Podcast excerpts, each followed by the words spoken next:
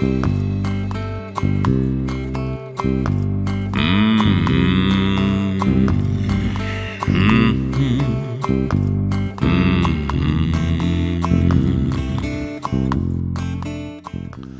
Stefán Lógi Magnússon var 13 ára gammal strauk hann að heiman og það var líst eftir hann í blöðunum. Aðeins fjórum árum síðar var hann orðin atvinnum aður hjá bæinu munn Ferðin hans var þó eins og Jójó næst árin því hann var atvinnum aður og kom svo heim og spilaði annar og þriði dild. Áðurinn ferðin fór að fluga nýju og hann var atvinnum aður og landstísmarkmaður Íslands. Þetta er miðjan. Ég heiti Hafliði Breðfjörð og Stefán Lógi settist niður með mér í dag og sagði sögu sína.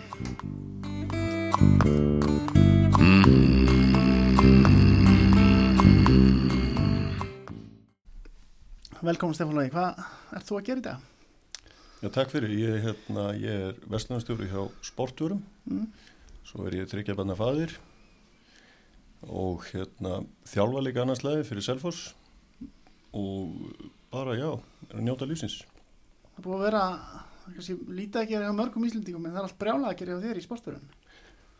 Já, það búið að vera, hvað ég har sagt, mikið að gera, það var reynda mikið að gera fyrir, en, en hérna, það er svona kannski leðilegt að þetta skulle vera kringustöðunar, en, en líka gaman að fólk er að reyna að hugsa um heilsuna sína og hérna, og svona já, ekki bara hætta og leggjast í, í svona eimt og volaðið heima hjá sér, en, en hérna, en vissulega alveg svakalega mikið að gera í okkur.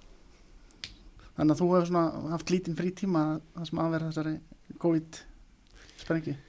Já, það við náttúrulega erum, höfum verið í miklum vexti síðustu ár og hérna, þannig að það hefur allir lagt niður gríðilega mikla vinnu til þess að, að það standi undir sér Mm.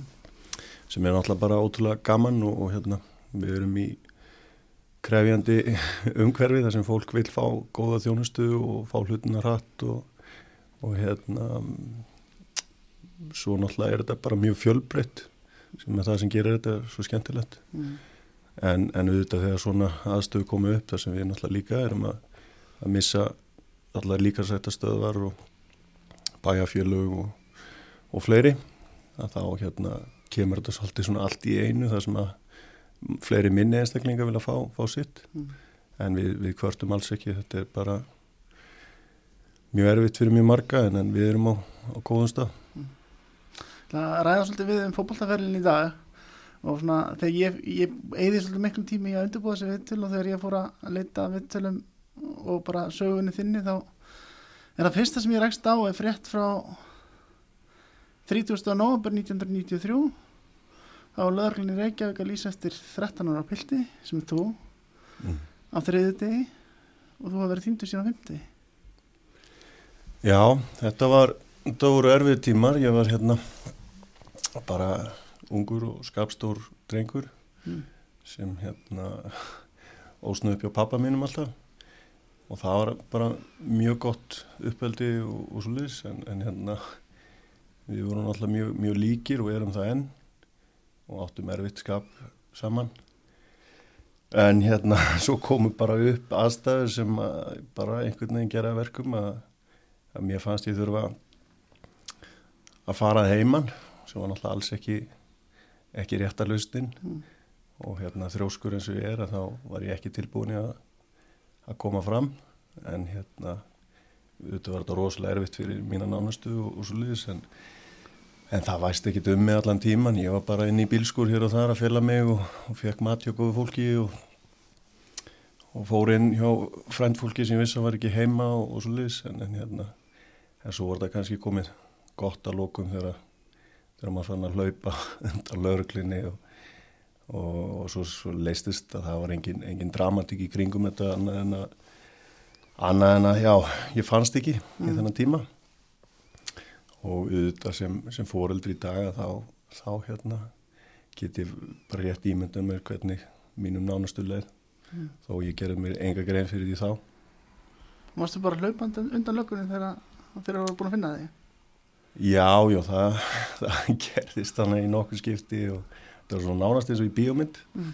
en hérna en var bara allt öðru sér tímar þá heldur en núna þetta var svona þetta voru bara vinir og vandamenn og, hérna þeim sem að með þess að þjálfarar út að leita manni og, og, og svo lis Mm. þó ég hafi ekki átt að með á því þá Mm. en, en hérna þetta leistist allt vel og, og það er svo sem hefur aldrei verið talað mikið um þetta Mm. þannig þetta er náttúrulega ekkert sem ég er eitthvað stoltur af Mm. en heldur ekkert sem ég það er skammast mín, það er bara gott að maður geti komað tilbaka og hérna og bara viðkjönda að þetta var þetta var stórt feilspor Vissur að það verður myndaður blöðunum og leitað þér? já, ég vissi það náttúrulega setna, setna mér sko Ná, ekki þarna. ekki beint svo leiðis en, hérna, jú, jú, ég smeklaði mér í bíó og, og svona já, eitt í tímanum þar sem ég þótti líklegt að enginn myndi finna mig Það var kannski bara ekki leiðilegtur eftir meðan varði, ja. það var alveg mjög kallt það var ekki gott viður á þessum tíma þannig að nei, þetta var ekki skemmtilegt alls ekki, þetta leið mann ekki vel en, en hérna en þetta var bara svona já, ég einlega bara þetta var bara þrjóskan sem þetta snýrist um, maður vil ekki bara koma heim aftur og segja bara fyrirgjöðu það Mm. bara óskum einfald Mm. Hvernig voru uppfókstar árin? Herðu uppvakstaránið þau byrjuði í Svíþjóð Mm. og hérna svo því ég er svona sex ára þá flist fæði minn heim aftur og hérna ég fylgi honum Mm. og mamma mín verður eftir í, í Svíþjóð sem, að, sem hún er enn, hún er ennþá þar og svo svona já, er ég mikið náttúrulega bara eins og krakka voru þá, mikið heima í ömmu og, og hérna og pappi átti, þau voru áttasískinni þannig að, þannig að þetta var stór fjölskylda Mm. og mikið samgangur og, og vel hugsað um hann en, en, en hérna og auðvitað var maður bara mikið út í fótbolta eins og allir aðrir Mm. Og svo koma þessi úlningsár og hérna og þá er náttúrulega er maður bara að breytast í fullorinn einstakling sem að er að reyna að fóta sig og, og finna sig en, en að öðruleiti var uppvöxturinn bara mjög, mjög góður Má segja að þetta hefði bara verið unglingaveiki. já, mjög, mjög, mjög dramatísk úlengaviki kannski en hérna Okkur fleiri uppákomur eða? Já, já, alveg fullt af þeim og hérna, maður bara, veist, maður bara vissi ekki, vissi ekki betur en að maður væri bara reyna að augra og hérna, sína fram á það að maður væri fullur en sem maður alltaf var bara alls ekki Mm. og hérna, á sama tíma var nú pappi minn að vinna hjá úlingaheimli ríkisins og hérna, þetta var alltaf mjög erfitt fyrir hann líka að, Mm. að hérna að þetta skildi til dæmis koma upp og en það endur speklaði alls ekki ástandið þannig séð, annað en bara já, við áttum ekki skap saman Mm. Hvernig var samband við þjálfara sem að það? Heru, ég er nú bara það heppin að hafa verið með fólk sem virkilega hugsaði vel um hann og, og þótti vænt um hann og mér um þá Mm. sem kannski líka bjargaði minni Mm. og hérna þannig að það það er náttúrulega virkilega hjálpaði manni í, í rétt átt Færðu upp yngjörflokkana í vikingi og... Já, ég fer upp bæði handbólta og fótbólta Mm. í, í, upp í vikingi og spila nú einn alltaf upp fyrir mig líka Mm. svo var ég þarna reyndar eitt ár fór í, í val í handbólta þar sem maður var með flottum þjálfara, Gaupa fréttamanni og hérna svo nú Snorri Steinn hanna og Markus Máni og Hannes og Bjarki Sig og, og þetta var mjög flott flott lið Mm. en, en annars var ég alltaf vikingur sko Mm. En ákveðið samt, hvað, 16 ára gammal að fara í fram? Hvað það, 97? Ég er og verið 96 Já, vikingar bara neitaðu að skrifa undir nú okkur það. bara, bara vikingur átt bara verið viking en, en, en þarna var vikingur kannski ekkert á rosalega góðum stað Mm. og hérna framann alltaf bara já þá stórveldi Mm. og, og Áskir Eliasson heitinn hafa náttúrulega þjálfað hana og þannig að þannig að veist það þurfti ekki droslega mikið til þess að samfara með um að, að hérna ganga allir liðs við fram Varstu fengið á þá- þeim fórsendum og verðir varmarmar í östudeldi? Já, það var, var bara það sem var lagt upp með og hérna og ég spilaði nú nokkra leiki á, á hérna undirbúinstímabilinu og ég man ekki eftir ég að fengja á mig mark í neinum af þessu leikjum það var ekkert neðið þannig, það var ekkert að gera og það var Óli P. hérna sem er markmannstjálfari hjá Breðablík í dag og, og kvennalaslinu Mm. hann var í markinu og hérna alltaf þegar var lítið að gera þá var, var mjög skipt inn á en þá var allt brjálað að gera mm. hvort að það var að því að það var svo léli stjórnun frá mér eða, eða ekki en, en það var mjög, mjög hérna, stórt skref að fara í fram og margir flotti leikmenn og, og, hérna, og þá var náttúrulega mikla gröfur þar Mm.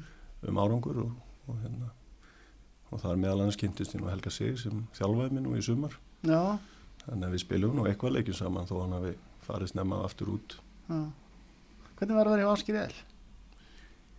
e, Áskil náttúrulega alveg algjörst eh, bara gulla manni en, en svona fyrir mitt leiti náttúrulega því ég er svo kynnist honum aftur setna Mm. að Áskil var svona eins og það ég átti mjög eftir að setja mig við var þetta, hann sagði bara alltaf með Stefán taktík er common sense. Og það var þjóðverðin í mér ekki sammála en alveg einstaklega góð maður með, með stórt hjarta og, og vildi öllum vel Mm.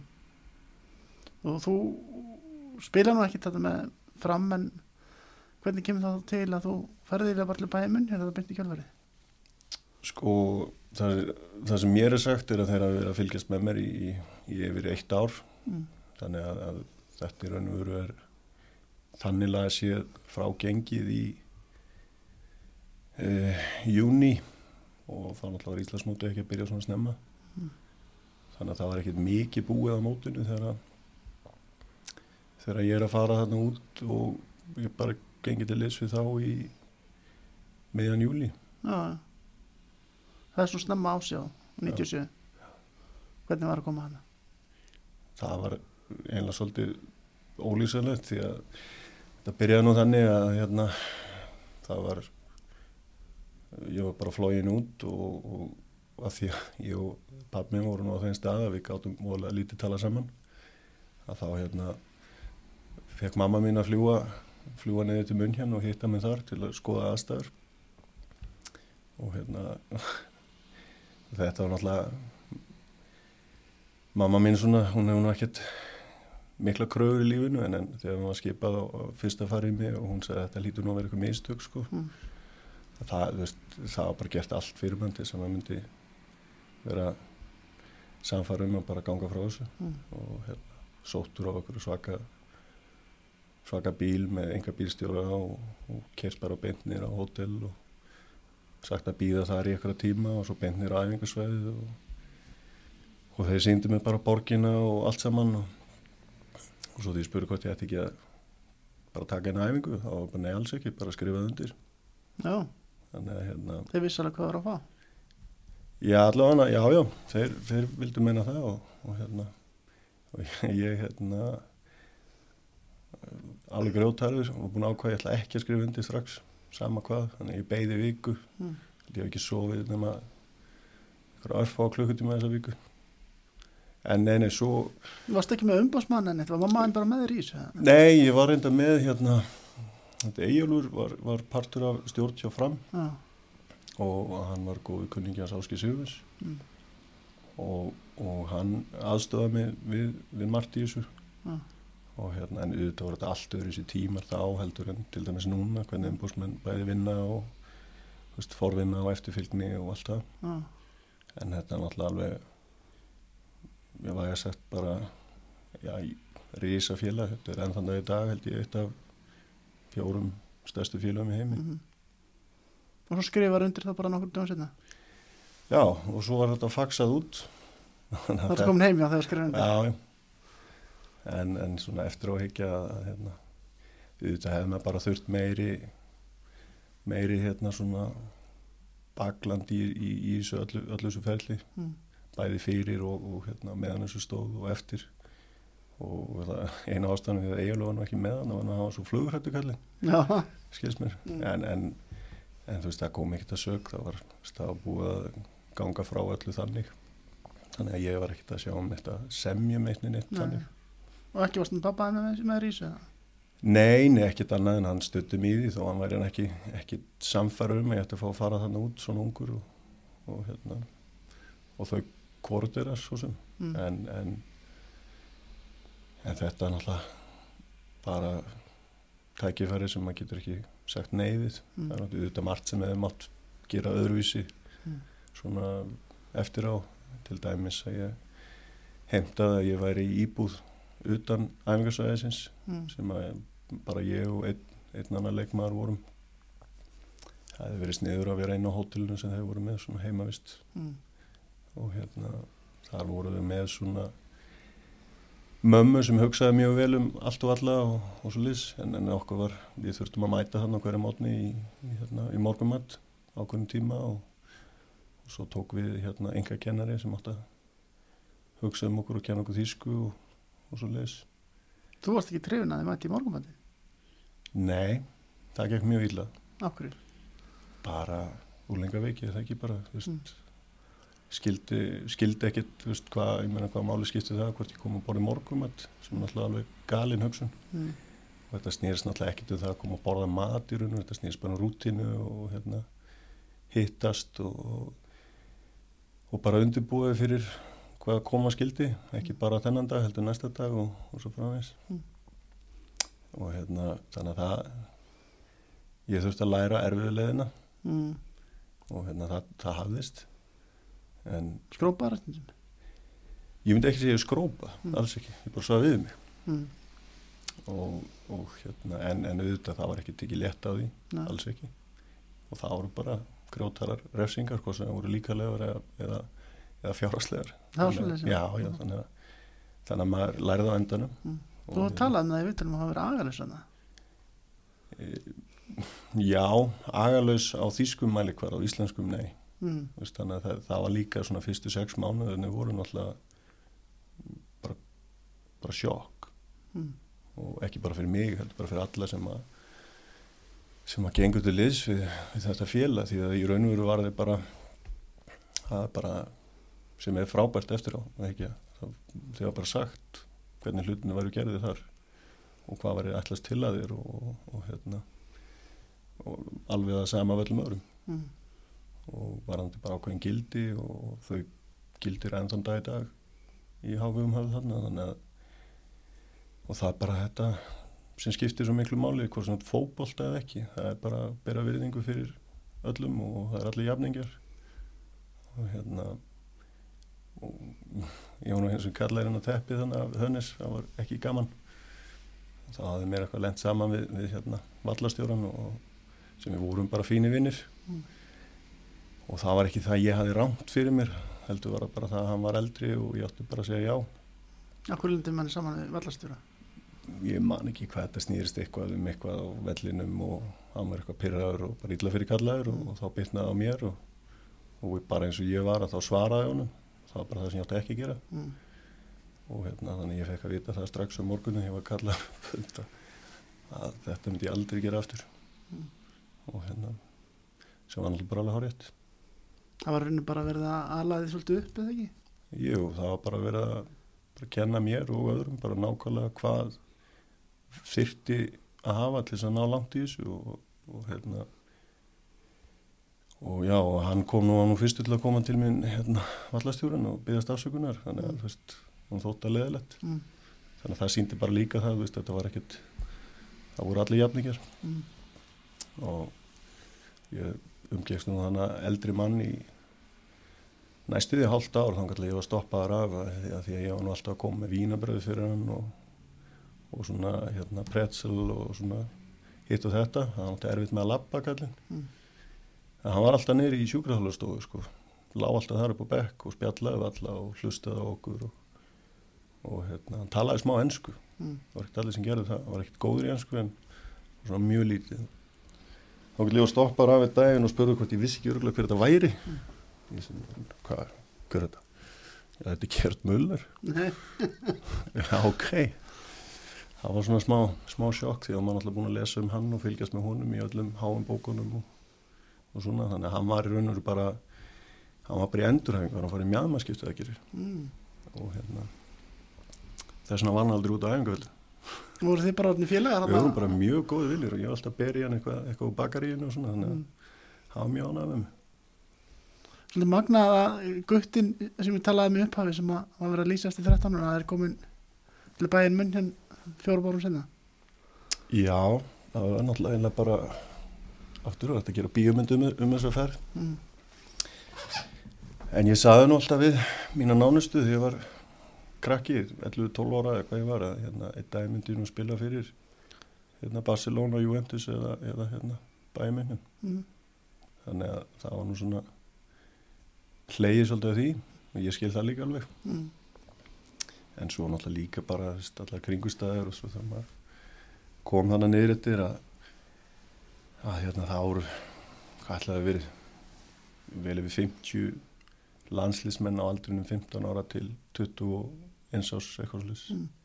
þannig að samkeppnin var náttúrulega gríðarlega en, fyrsti leikurum minn fyrir bæminn hérna á Ítali og móti Asi Mílan þetta er svona einlega alveg ólýsanlegt en það maður hugsa allir baka að það var störlu svona upplifun. Hverju voru að spila með hana? í, í, í því liði? Já, e, sko við það náttúrulega var sérst þannig að bæjan fór mikið og spila á svona, svona alþjóðlegu mótum þar sem við fengum bara hreinlega greitt fyrir að koma mm. en þá voru ofta að fara eins til Ítali og spila á móti sérst varaliðum Juventus, Roma eða Parma eða Inter, AC Milan og fleiri, fleiri stóru liðum þannig að þetta var náttúrulega við vorum að fara með okkar svona U19 lið eins og við kallum það og þannig að þetta voru alveg hörku, hörku leikir en, Mhm. en í, í liðinu mínu voru margir mjög frambærleir knaspilmenn og hérna og það voru já bara 80% af, af þeim leikmenn sem þar voru áttu sér alveg bara fínan, fínan feril. Ok. Þannig að hérna að þetta var þetta var mjög gaman að bæða að spila með og á móti leikmenni sem voru bara allt öðrum kaliber að mann hafi svona vannist. Mm. Marstu hvernig þetta gekk? Þessi Asi Mílan leikur? Já, við, við töpuðum enda 2-1 Mm. en, en hérna, ég varði hann allavega aukarspilnu upp í, upp í skeitunum en, en, en það var ekki mikið liða leiknum þegar þeir tóku aukarspilnu svona upp á meðjum vallarhelming og það kom hárbolt inn í tegin sem ég fór nú aldeilis og flegi fer út í nema akkurat þegar að hoppa upp í hann þá stíga ég í hólu því vellinir og Ítali voru ekkert voru ekkert æðislega góði sko Mm. Þannig að svona eiginlega svona hvarf undan mér allt og ég hafði dett fram fyrir mig en, en á einhvern hátt þá náði ég að grípa boltan og það hefði ekki verið góð byrjun á, á ferlinum. Nei, en þetta voru, þetta voru hörku leikir og á sama tíma var þetta alltaf bara þeir voru alltaf bara að prófa alla andlega einlega hvort þeir myndu handla það að fara upp í, upp í stóra umhverfið og, og undirbúa alla þess að á fyrir, fyrir bara lífið. Hvað varstu nálægt að, aðaleginu? Varstu, varstu Ég bara varstu í gokkunarðinni? Ég æfði alveg tölvöld með þeim og hérna e, sérstaklega þegar Trapatóni var hann kunni hann hafði mikla trú á mér einhverju hlutu vegna Mm. og hérna og það var náttúrulega að æfa þarna með fyrstulega að fá að æfa mikið Mólu við Kahn það var, það var mjög spes en það var, það var eins og hann var frábær í mörgu þá var hann alveg skelvilega lélugur í suma Mm. en, en þú veist, mjög sterkur karakter og hann var ekkert hrifin að því að hérna að svona eh, þetta var svona svolítið gamli skólinn sko hann var ekkert vol hrifin að því að hafa okkur yngri með og, Mm. og hérna, hann reynilega bara létt mann heyra það maður sparkaði ekki rétt á hann og, og svo tók hann bara lífi Mm. sem að ég sjálf sér var bara allt í lagi en það var nú oft þannig að við æfðum hann í kannski einn og halvan og svo máttu við Já, já, hann var bræðar kalli ef það var láð þannig á honum sko mm. Og hérna, en það er kannski líka ástæðan fyrir að hann var hérna, bestu heiminum. Hann var, hann var bara mjög einbyttur á því hvað hann ætlaði að gera. Þú náði það aldrei að kynnast honum, hann var ekki að blanda geðið eða? ekkert kynnast honum meir en bara það ég var bara að æfa með honum og tala við hann á þeim nátunum og hann ætlaði gríðalegur aldursmunur á okkur. Mm. og og hérna, auðvitað læri maður helling á honum alveg, alveg fullt sko. Og en við vorum alltaf með sama markmannstjálfara þannig að sem var Sepp Mæir Mm. og, og hérna en svo var þetta öðruvísi svona þegar maður fór að fara inn á æfingarnar meira svona í spili og svo lýst þá var þetta bara í hans huga bara það Mm. var ekkert að ekkert að hjálpa þér ekki neitt Mm. og, og hérna en hann aftur hann var svona gamla skólanum ekkert sérlega góður í fótunum og, og hérna en alltaf alveg svakalur á milli stangana Mm. um, en að fá að fara á þessar æfingar sem að þar voru leikmenn eins og ég man á fyrstu æfingun minn með aðliðinu þá var svo verið að spila stutt á milli marka og það var eitthvað sem skoraði og allt í lagi með það nema ég valla næði að snúa mig við með boltan og það var eitthvað sem að var með hausinn undir högun á mér og öskrandi á mig svo þegar ég næði svona aðeins áttum að þá er þetta að lóta Matteus og láta mig heyra það Og fyrir hvað? ég bara fyrir að hafa ekki varið eða eitthvað, ég veit það ekki eða kom hann ekki nóg fljótt í leik Mm. ég bara maður ekki en, en hérna þarna voru leikmenn eins og, eins og hann og Mehmet Scholl og veist, Mario Basler og, og hérna Lisa Rassou um, það var hann Thomas Struns svo hérna Torsten Fink og Karsten Jank og Johan Elber um, já Það var rosalegt lið. það er bara eiginlega ótrúlegt að hafa fengið að æfa með þessum gæjum og, og svona verið í kringu þá og læra af þeim og, og svo lis en svo, svo hérna, svo kom ná árið setna kom Effenberg, þar kom þá kynntum maður álveru hróka Mm. Hvernig var hann? Já, hann var bara ískaldur og bara hann ætlaði þessi bara eitt hlut, það var bara að vinna Mm. en í þessu umhverju mjög flottu leittói og alveg saman með Kahn menna, frábær leittói og þvílíkur þvílíkur liðsfélag en, en myndi að virka á Norðurlöndunum nei, myndi aldrei virka Er þetta þýska umhverju svolítið þannig að menn eru bara liðsfélagar en þeir verða aldrei neini félagar þeir æfa saman að spila saman? Nei, nei, ég held að sé nú búið að breytast mikið Já, það var það þarna á þessum tíma. Já, það var mikil svona stjættaskipting svona náttúrulega kannski stuttstíðan östur og vestur Þískaland voru Mm. og sérst opnuð og, það var mikil munur á þeim sem voru frá Östu Þískalandi Já, sérst, það. sem að spila með á þeim sem voru aldur upp í Östu Þískalandi sem bara bara vanandi bara hugafæri þegar þeir sem koma úr Östu Þískalandi voru oft vanið mikil fátækt og, og svona og voru hjapil að hamstra mat í, í hérna þegar fóreldra kom í heimsókn annað og Mm. það var svolítið svona klikkað en, en hérna en annars bara já svolítið svona óglimalegu tími þessi tvö ár sem ég var þarna Já. Já, Gaman að hafa tekka við þetta að minna að æfa með Lóta Mattiðus og líka hann er það er bara rosalegt. Já, það er svona, veist, ef maður hefði átt að segja á því hvað það var rosalegt á þeim tíma þá, þá hefði þetta ekkert gengið, held ég. Mm. En hérna, það er svona, þegar að því eldri sem maður verður, þá áttar maður sér meir og meir á því hvað það var í raun og veru stórt afreg að hafa verið þarna í þennan tíma og, og fengið að taka þátt í þessu. Félagarnir heima, voru þeir að átt að sjá þessu, voru þeir að kíkja á því að þeir eru þeir? Nei, þetta var svolítið öðru í umhverju og það var ekkert, ekkert svo vel séð að það væri mikið verið að kíkja í heimsókun á okkur nema það Mm. væri bara fjölskyldur og, og svo liðis. Það var, en það er kannski ekki hver sem er sem hoppaði þá bara upp í flugvél og flög til Þýskalands. Nei. Það var svona aðeins flóknara ferli heldur en það er dag. Sko. Þannig að ég mann og ég átti nú þýst vegabrif eða svona grænt dvalarleifis passport. Það var þótti mjög töff að ég það. Mm.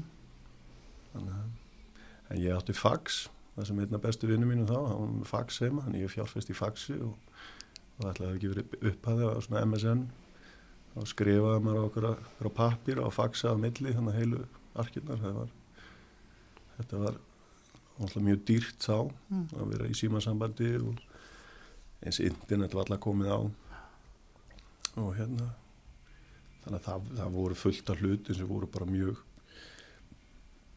já, mjög bara erfiðir svona fyrir kannski ungan, ungan mann en ég var heppinn að við vorum vorum þannig svona þrýr, fjóri sem vorum mikið saman Mynd, mynduðu sterk tengsl og erum mjög góði vinnina þannig að í dag þó að að náttúrulega með tilkomi barnana og fleiri barna þá hefur, hefur, hefur ekki alveg mikið tíma þó að við heyrumst svona annars lagið Mm. þannig að það er náttúrulega mjög dýrmætt að maður á ennþá svona vini fyrir lífið Hverju voru þetta? Óvan Hargris er kannski þekktastur af þeim Mm. og svo er það hérna Steffen Hoffmann, hann er fyrirlegir Abid Vín í meira en áratug held ég Mm. er ennþá, ennþá þar svona í einhverju stjórnundalutverki uh, svo heitir einn Níls Erik Jóhansson sví Mm. höfum nú enginn af okkur sem er í eitthvað miklu sambandi við hann en hann var fór svo var lengi vil fyrirlið hjá, hjá AIK Mm. Svíþjóð, mjög flottur leikmaður og mikill leðtögi og hérna það var svona kannski, já við sem vorum hvað mest saman. Það var skrítin blanda, eitt frá svona Kanada, Breitlandi og eitt frá Svíþjóð og, og eitt frá Íslandi og hérna eitt frá Þýskalandi og vorum alltaf kallaðir hérna The Foreign Connection. Mm. en, en það sem Steffen var ekki talaði ekkert sjællega góða ennsku Mm. en hann laði sér allan fram. Þá, þá hérna að það var mikið gert, gert grína honum og þið haldið ennþá samband í dag? Já, já, það er, það er svona bæði svona kannski það sem lýsir alvöru vináttu að þú þarft ekki endilega að talast við hverjum einsta deg en, en, en svo þú heyrir í eða hittist að þá er hans að hafa verið gær. Mm. þannig að það er það er líka eitthvað sem við höfum bara haldið svolítið okkur á milli alltaf. Mm. við getum alltaf leita til hvers annars og það er alltaf gaman að rifja upp gamla tíma Mm. prakkaraskri string og Já, svona það var ímislegt sem að það fyrir bara í bókina að ég skrifa hann það var en fu- fullt af hluti sem má ekki segja frá í dag Nei, nei, það er bara eins og það er og það er bara bæði, bæði sem er já, fyndið og annað sem að skamma sér fyrir og, Mm. og svo leys en það held ég sem er bara eðlilegt í þegar þú ert ungur og ert að reyna að feta þig áfram varstu smá villingur hérna úti áfram eftir að kemur út eða? Já, allir það ekki sérstaklega í augum augum annara þar sem að þú veist, það er alltaf bara minna í Þýskalandi þú ert mættur réttum tíma þá ertu fimm minútum og set Mm. það var mjög erfitt að bara virða það Mm. og, og hérna en á sama tíma fyrst, þegar tíminn leið þá kunni ég alltaf betur og betur við mig í þessu formi sem hendaði mér mjög vel bara svona mikla kröfur og, og góður rammi og, og sem var svo líka erfitt setna mér í lífin að að hafa ekki þennan ramma og hafa ekki, hafa ekki þessar kröfur sem að, Mm. sem að svona, já, voru þar þá látið svolítið með það svona svolítið setna þegar Óen Hargrífs fór að stíga upp setna á ferlinum að þið varu vinnir Já, það var, fannst sumum það merkilegt og, hérna, og veist, í mínum huga var óan bara veist, vinnu minn, Mhm. alveg svo ef við hefðum kynst og verið að spila saman í yngri flokknum minna heima. mm -hmm. Þetta var maður bara mjög stoltur og, og, og ánæður fyrir hans hönd með að við hvað hann lagði gríðarlega mikið á sig sko. það, er Mm. náttúrulega, það er aðalega það sem maður veit líka ég menna hann var, hann var mjög í að fara heim oft og gefast upp og og hann var mikið á hann lagt hann úti og, og hann var lagður alveg nánast í einelti af þjálfurinn til að sjá hvort hann myndi brotna.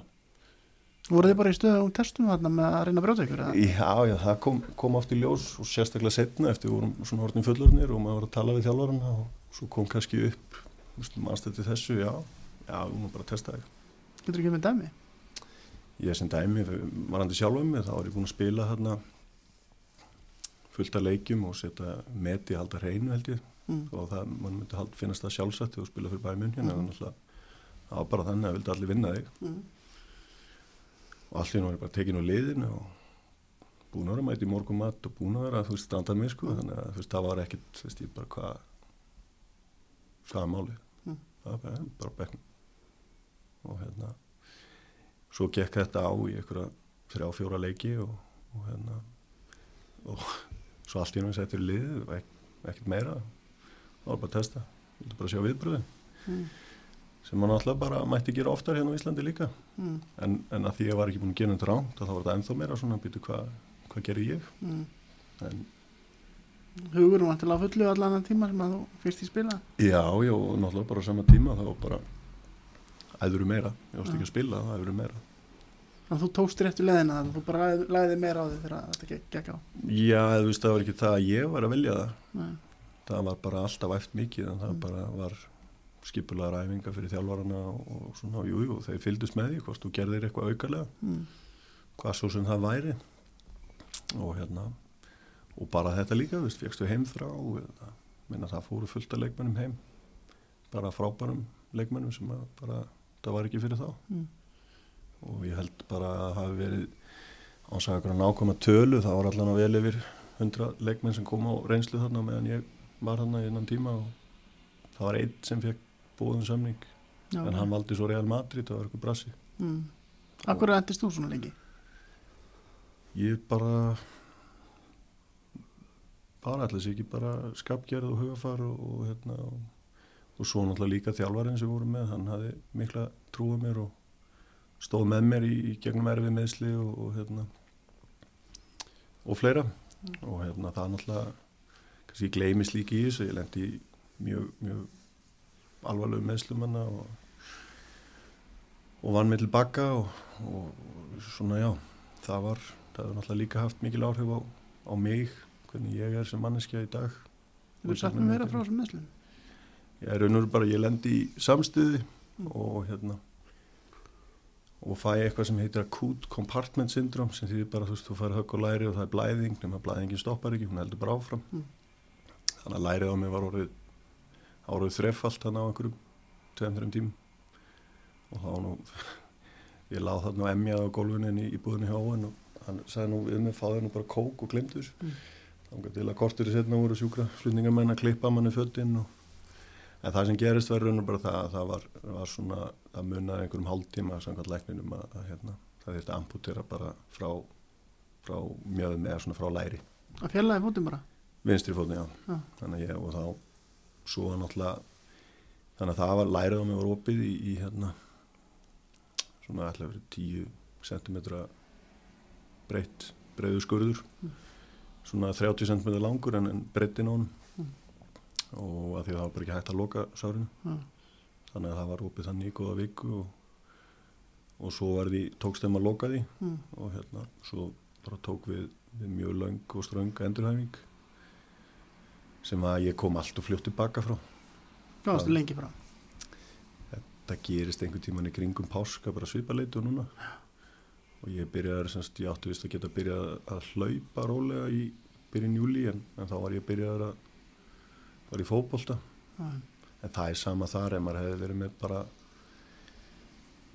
betra bakland sem maður hefði stýrt því sem að hvernig það þróaðist og svolítið þá hefði maður náttúrulega kannski tekið þessu aðeins Mm. skynsalegri skrefum en enn á móti kemur að hérna, ég er náttúrulega mjög þakklandi þáverendu og held að hann sé nú ennþá hann Geri Hoffmann sem er sjúkurþálari hann, hann fórnaði fríinu sín í mánuð til þess að vinna með mér dag og bara allan daginn Mm. það gerir bara eina kröfu að ég myndi gera allt sem hann segði mér að gera Mm. og ég sagði bara ekkert mál þannig að við vorum ég læri náttúrulega gríðarlega mikið á honum á þessum skamma tíma eða þessum mánuðum Mm. og svo náttúrulega var bara láni í óláni að þarna voru færustu læknari á þeim tíma í þessum meðslum Mm. og svona þegar maður lág þarna á borðinu hjá lækninum, hún er Mjölu Wolfart og að þá var á næsta borði við hliðina og það var Boris Becker og svo mætti maður hérna Michael Owen að leiðinni út og Mm. þetta var svona, hann var svona stjórnu læknir en það ég hugsa að það hefði bjargað miklu líka og, og, hún fannst alltaf merkilegt ég kíkti við í heimsókn setna Mm. kallaði hann alltaf til alla og baði mér um að gera það neyru mig, hann vildi sína þeim sko, þá var hann búin að tala um þetta Já. eða eitthvað svona og, og það var svolítið spes en, en hérna en þetta er samt, þetta er svona meðsli sem að eru alveg algeng en þá alveg þú fær að högga á kálfa og svona Já. en ég var bara, já og þarna líka á þessum tíma að þá, ég fór eiginlega bara í gegnum þetta einn, Mm. ég svolítið svona sagði ekkit fjölskyldun alveg sattur rétt frá, bara hvers Mm. alvarlegt það var. Og hérna og það er aftur þar þrjóskur og þver og, og, og stoltur og á, á, all, á, á, allt og mörgum raungum fórsendum í raun og veru. Í stæðan fyrir bara að þykja hjálp og, og hérna og kingja stoltinu. Varst bara áfram á hnefanum. Já, bara algjörlega. Og, og svona kannski eins gott líka að það var þannig. En en á móti kemur veist að þetta var ekki, þetta var erfiðar eftir og ef, ef svona eitthvað var svona andlega Já. Átt að segja hvað var að gerast já bara hversu alvarlegt og veru var Hvað sagði það? Munnaði bara eiginlega einhvað fóturinn hefði farið af? Hvað, hvað björgar því eiginlega? það bjarga bara því að ég er fyrstu fimm tímana upp á slissastóðunni slissastóðunni búin að vera með einhvern lærling sem baði mér eins og um að tala þýsku og ég svo sem talaði reybrandi þýsku ég hafði bara engan áhugaði akkur að tala þá og svo var mér bara trillað inn á, á hérna, herbyggi og, og hérna þangað til að það kemur hann um eitthvað um tvöum nóttuna þá kemur greinilega færari læknir inn því hann bara lifti af sænginni og sagði bara strax það er skott að þetta gangi hratt fyrir sig annars þurfum við að amputera eftir hálftíma, einan hálftíma. Mm. og þá fyrst kom svona smá, smá sjokk veist, að, hérna, að það átti að maður sig á því veist, jú, ég hef búin að horfa að læri stekka en hérna og svo svona já, næstu tvo sólarhinga eftir þetta það ég er manilegt eftir. Það er kannski partur að því að ég var bara á okkur livjum að reynilega bara ljúa fóröldur mínum og, og, og þeim í gegnum síma. Þetta væri náttúrulega alvarlegt og Mm. þetta ekki að hlusta á félagið og en það fannst bæðin þetta mjög fyrirlegt að skildi enginn koma og þannig að þetta en alls ekki þeim að kenna. Ég myndi segja þetta líki bara hjá mér. Það hafi ekki bara verið meira opinn með hversu alveg þetta var fyrra ári er eins og segir áðan trappatóni hjá okkur og, og þið náðu vel saman en svo kemur Otmar Hitsveld ekki? Svo kemur Ótmar Hitsveld, já, það var, það var svolítið sjokk, frábær þjálfari og, og, hérna, en, en, og ég var svo sem æfa þarna með þeim annars slæðið og, og, hérna, og loksis fengum við nú eitt frýta, hann ekki þannig að maður verið með gems á sér í þá, þá dag, mm. annað en faxið heima sko. Mm -hmm. og það var æfing á miðugudegi minnum og ég átti frítag, þannig ég var búin að ákveða, ég ætlaði bara að sofa út, ég ætlaði bara að njóta þess. Mm. og hérna nema sími ringdi og ringdi og ringdi allar morgun og ég bara nefndi ekki að svara svo engan tilgang í Mm.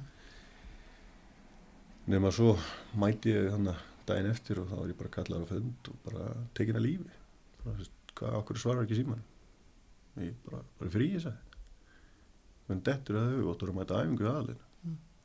og svo sagði hann bara hreint út við mig þú kemur aldrei aftur æfingu hjá mér Stóðst það? já, ég, mér minni það Er þetta þá í rauninu upp, upphafuna endalóginni þegar hana? Mm, já, kannski svona hægt og rólega en það sem var kannski aðalmáli var það að það var hann hétt út úr Basimir sem að hafi verið unlingalistjálfari og, og hérna, okkur lendi nú saman og, og það var nú bara algjörlega ja, honum að kenna, hann átti fyrstulega að byggja um eða snýrist um það að ég fór aukaæfingar hjá honum, var að hjálpa honum Mm. Og þau átt búin að æfa í langan tíma tvær æfingar á dag og, og svona að fara að bæta við þriðju og fjóruðu æfingunni hér og þar og þá, þá eins og hlutni virkuð þar þá, þá áttur alltaf að byggja um leifi hjá yfirþjálfarunum og, og hann gerir það ekki Mm.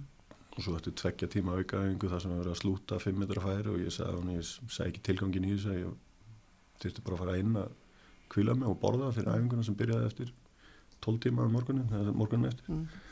það var bara eftir það þá þólda mikið svo var hann semst, fekk hann var, tók hann við varalegin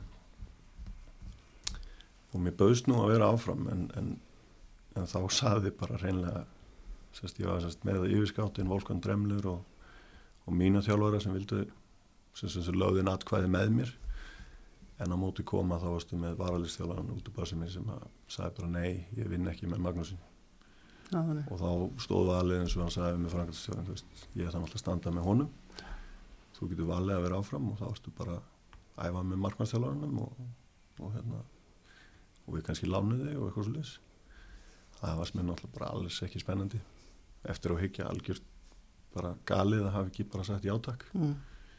um, og hérna en ég sagði nú við hann frangatastjóran að þetta verður alltaf galin ráninga þegar þeir myndu örgulega rekan ára en að tímbilu verið hafið. Og það stóðst ekki alveg en, en svona hann var svo látið fara einhverju sex mánuð setna Mm. en hann veiktist líka alvarlega kallinn og, hérna, hann náði sér nú að því. En, en, en það var svona já samblanda af þessu þessum endalókum blues að, að hérna að það var alltaf gríðarlega samkeppni og, og, og hérna, sem ég hafði svo sem tekið og, og staðið með vilji.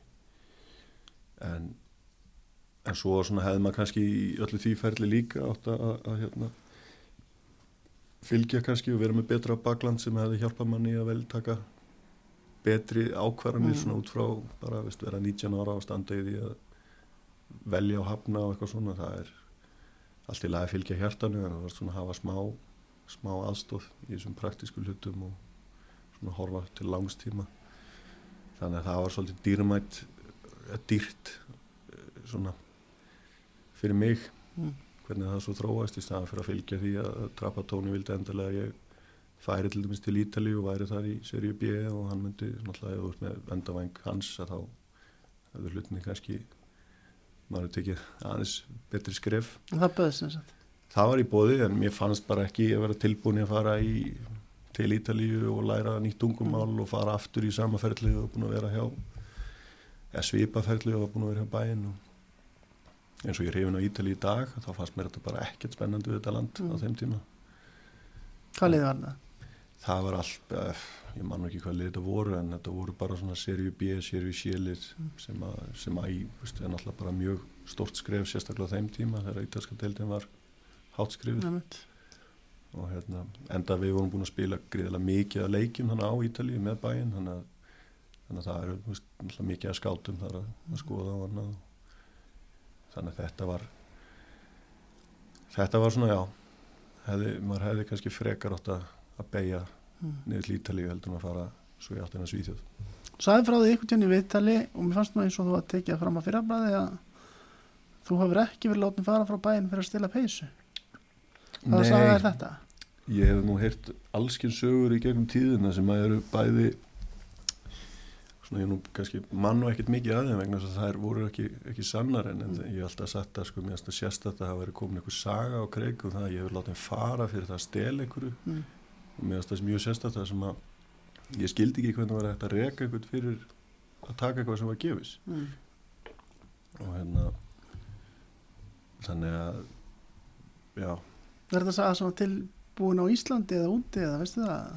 Ég held bara á Íslandi, ég veit ekki okkur hún ætti að vera ykkur, ykkur úti þátt að Nei. bera það til Íslands svona en, en veist, ég held að fólk kannski gerir sér ekki alveg grein fyrir hvernig aðstæður eru þannig hjá þessu félagi Mm.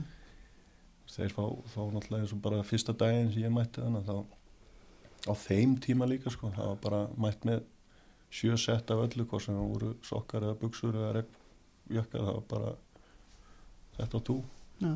og hérna, það er aldrei neina afsökum fyrir að eiga ekki neitt til Mm. ef þú týnir ykkur þá færðu bara nýtt og... en svo voru hins vegar leikmenn hjá bæinn sem voru tekni fyrir að stela Mm. Menn hafa rugglað saman tömmu svo. ja, þeir, það voru það voru nú hérna, landslýsmenn frá Ghana og svona en þeir fóru með fullar töskur sko, til Ghana Já, já. og þeir hefði ekki þurft að stela þeir bara þurft að byggja um það sko. Mhm. en svo þeir hefði komið tilbaka og hérna voru ekki með neina töskur Mm. og það vantaði fullt í æfingasettin sem var heldur ekkert vandamál þannig þeir hefði bara beðið fallega Já.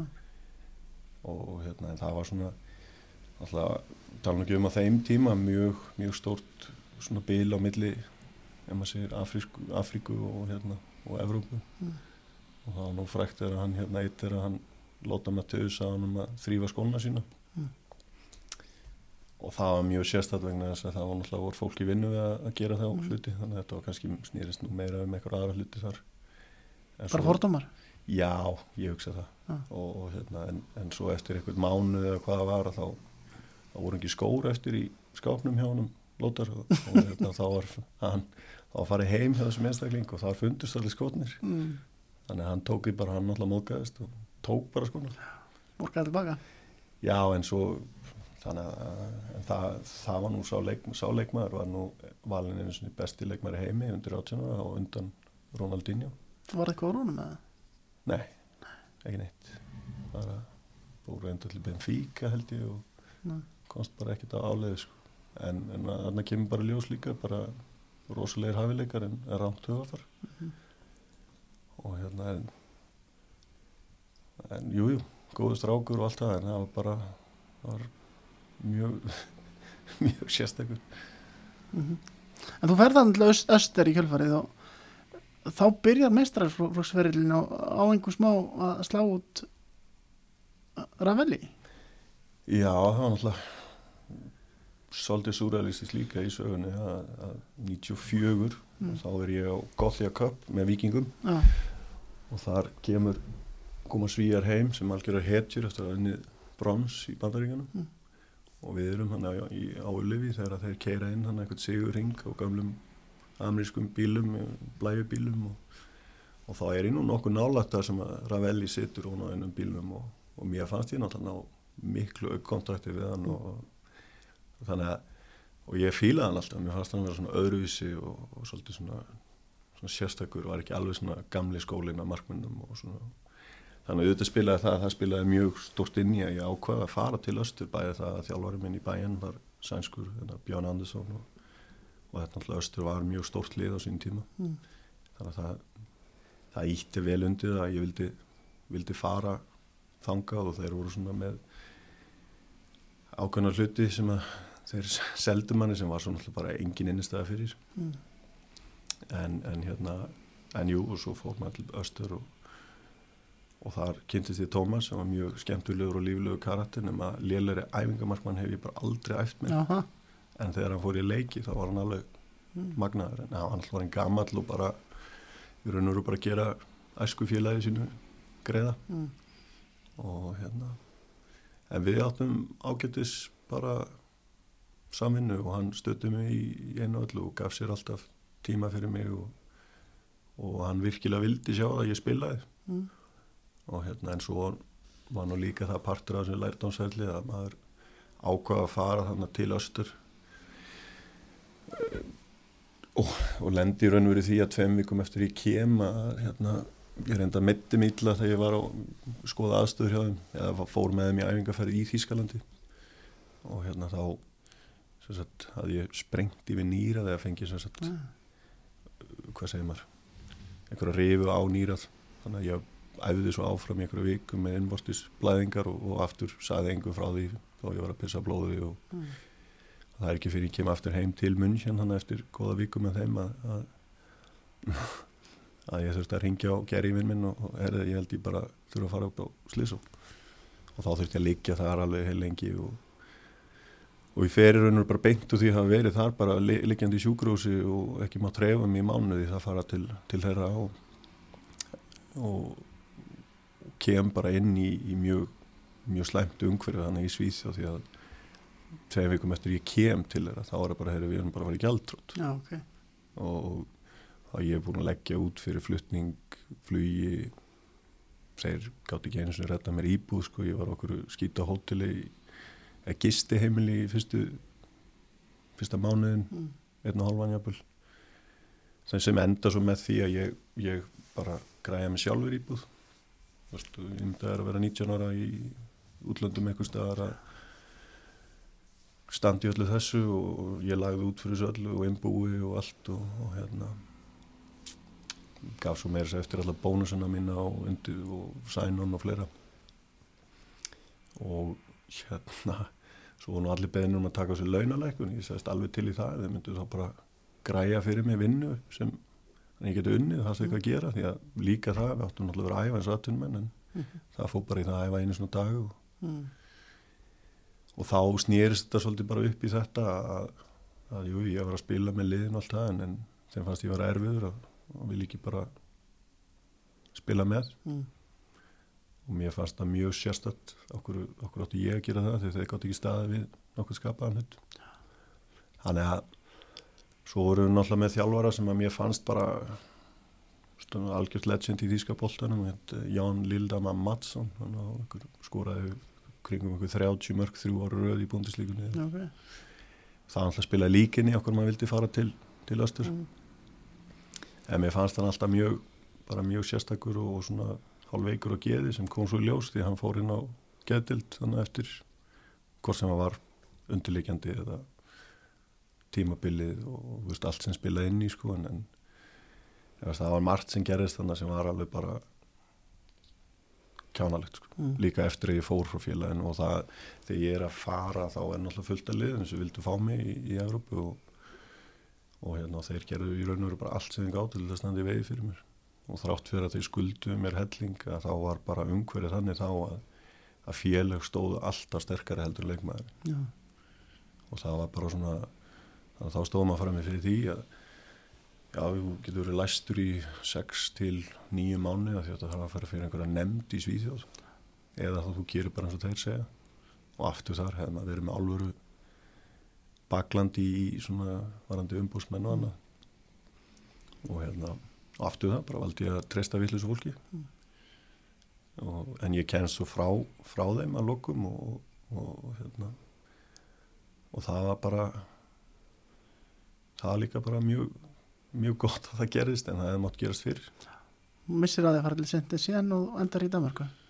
Já, ég fótt í Saint Etienne Mm. var þar í, og æfði í góða man ekki, 9, 7, 8, 9, 10 daga gekk mjög vel allt frá gengi og búin að fara í lækniskoðun og hérna, búin að semja og allt klárt og, Mm. og, og þá náttúrulega málið það sá umbi sem ég var með þá, hann var átt að vera búin að fá östu til að skrifa undir það sangkumlega sem þyrti til þess að, Etienne getur bara gengið frá kaupunum sem að hann saði við mig að allt klárt nema svo fréttir östur við staði að það gekk svona ljómandi vel hana og þannig að þeir tóku sér til og hækkuðu tilbúið aðeins settu tíu sinum á bakvið töluna og, og það náttúrulega bara var ekki að fara að gerast og hérna bara því að hann hafði ekki klárað vinna sín hann láta á bara skrif undir, hann skrifstöð þannig við hliðina á félagsheimilinu þannig að mm.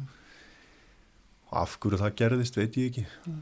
en, en hérna e, svo bauðst mér að vera áfram sem að aftur þar hefði maður aftur tekið réttar ákvæmna hann bara sagði já og bara æft þannig í eitthvað halvt ár og orðið svo leikmaður þeirra Mm. um, en svo bara kemur hvað Norsjöland eða semst Farum Bólklub hétur þá sem var svona félag á mikil uppleið þeir koma þarna í uh, þarna um já, februar eða eitthvað slis 2000 eða ekki það Já, eitthvað svona, Já. minnir að verið februar og þá fór ég með þeim í, í æfingarferð og, og þá gengum við eiginlega bara frá málunum þar og, og það var náttúrulega alveg mjög sérstætt sérstakki tímar sem voru í gangi þar. Þeir sem vilja kynna sér þá sögu þeir bara félagsins þegar ég mæli með því þá var hann mjög litriku borgarstjóri sem að sem að í raun og veru bara beindi öllum fjármönnum sem kom inn í, í samfélagi í félagum, hvort sem það var fótbolti eða handbolti eða tennis eða pingu lítið bæjarfélag með ykkur 16.000 hérna, bara ótrúlega umgjör sem er þannig enn þann dag í dag sko. þetta verður skemmtilegt. Já, þetta var, ég menna, ólíka fullt af flottin leikmennu sem komaðan en leikmannaveltan var gríðalega hröð og eftir hvað rúm tvö ára þá var ég einn af tveimur sem var lang, lang elsta fyrirlin í félaginu og, og hérna. Áttur fast sæti eða? Nei, ég vann mér inn sæti og hérna og svo var náttúrulega bara sóttir eldri og reyndari leikmenn úr stórun liðum, bæði FCK og Brömbi og einn fyrir markmaði Liverpool og, og svona en, en hérna ég lendir reynda líka þar í svolítið erfið meðslum Mm. og hérna en vann mig alltaf út úr því og, og, og já, þetta var svona mjög góð tími þetta var flott félag og, og hérna og svona kannski svo tími sem ég þykir mjög væntum svona út frá þannig var maður svona að verða af, úr úlningu yfir í fullorinn mann mm -hmm. og hérna en svo hefði maður bara átt að njóta þess meira að vera þannig mm. og verið ekki var svolítið upptekinn að því að fara bara áfram svo og fannst það komið gott þegar að voru búin að vera nýtt um tvö ár kláraði svo reynda þriðja árið en þá var þetta bara síðasta halva árið var bara stappum það okkur ég vildi ekki skrifa undir ja. Og hérna. En Akkur fórstu þá til 1909 e, bara til þess að taka einlega eitt skrif aftur. Mm. og hérna og ég vildi náttúrulega spila fast. Það var svolítið svona ofalega hjá mér að vilja fara í lið sem var ekki of stórt og, og það sem ég fengi bara stórt hlutverk. Og enn og aftur gerist það svolítið það og þetta var náttúrulega mjög spes tímar þannig að líka ef maður svona horfir út frá það hvað var að gerast í fjármálaheiminum að það var ekkert allt og mikið til. Mm.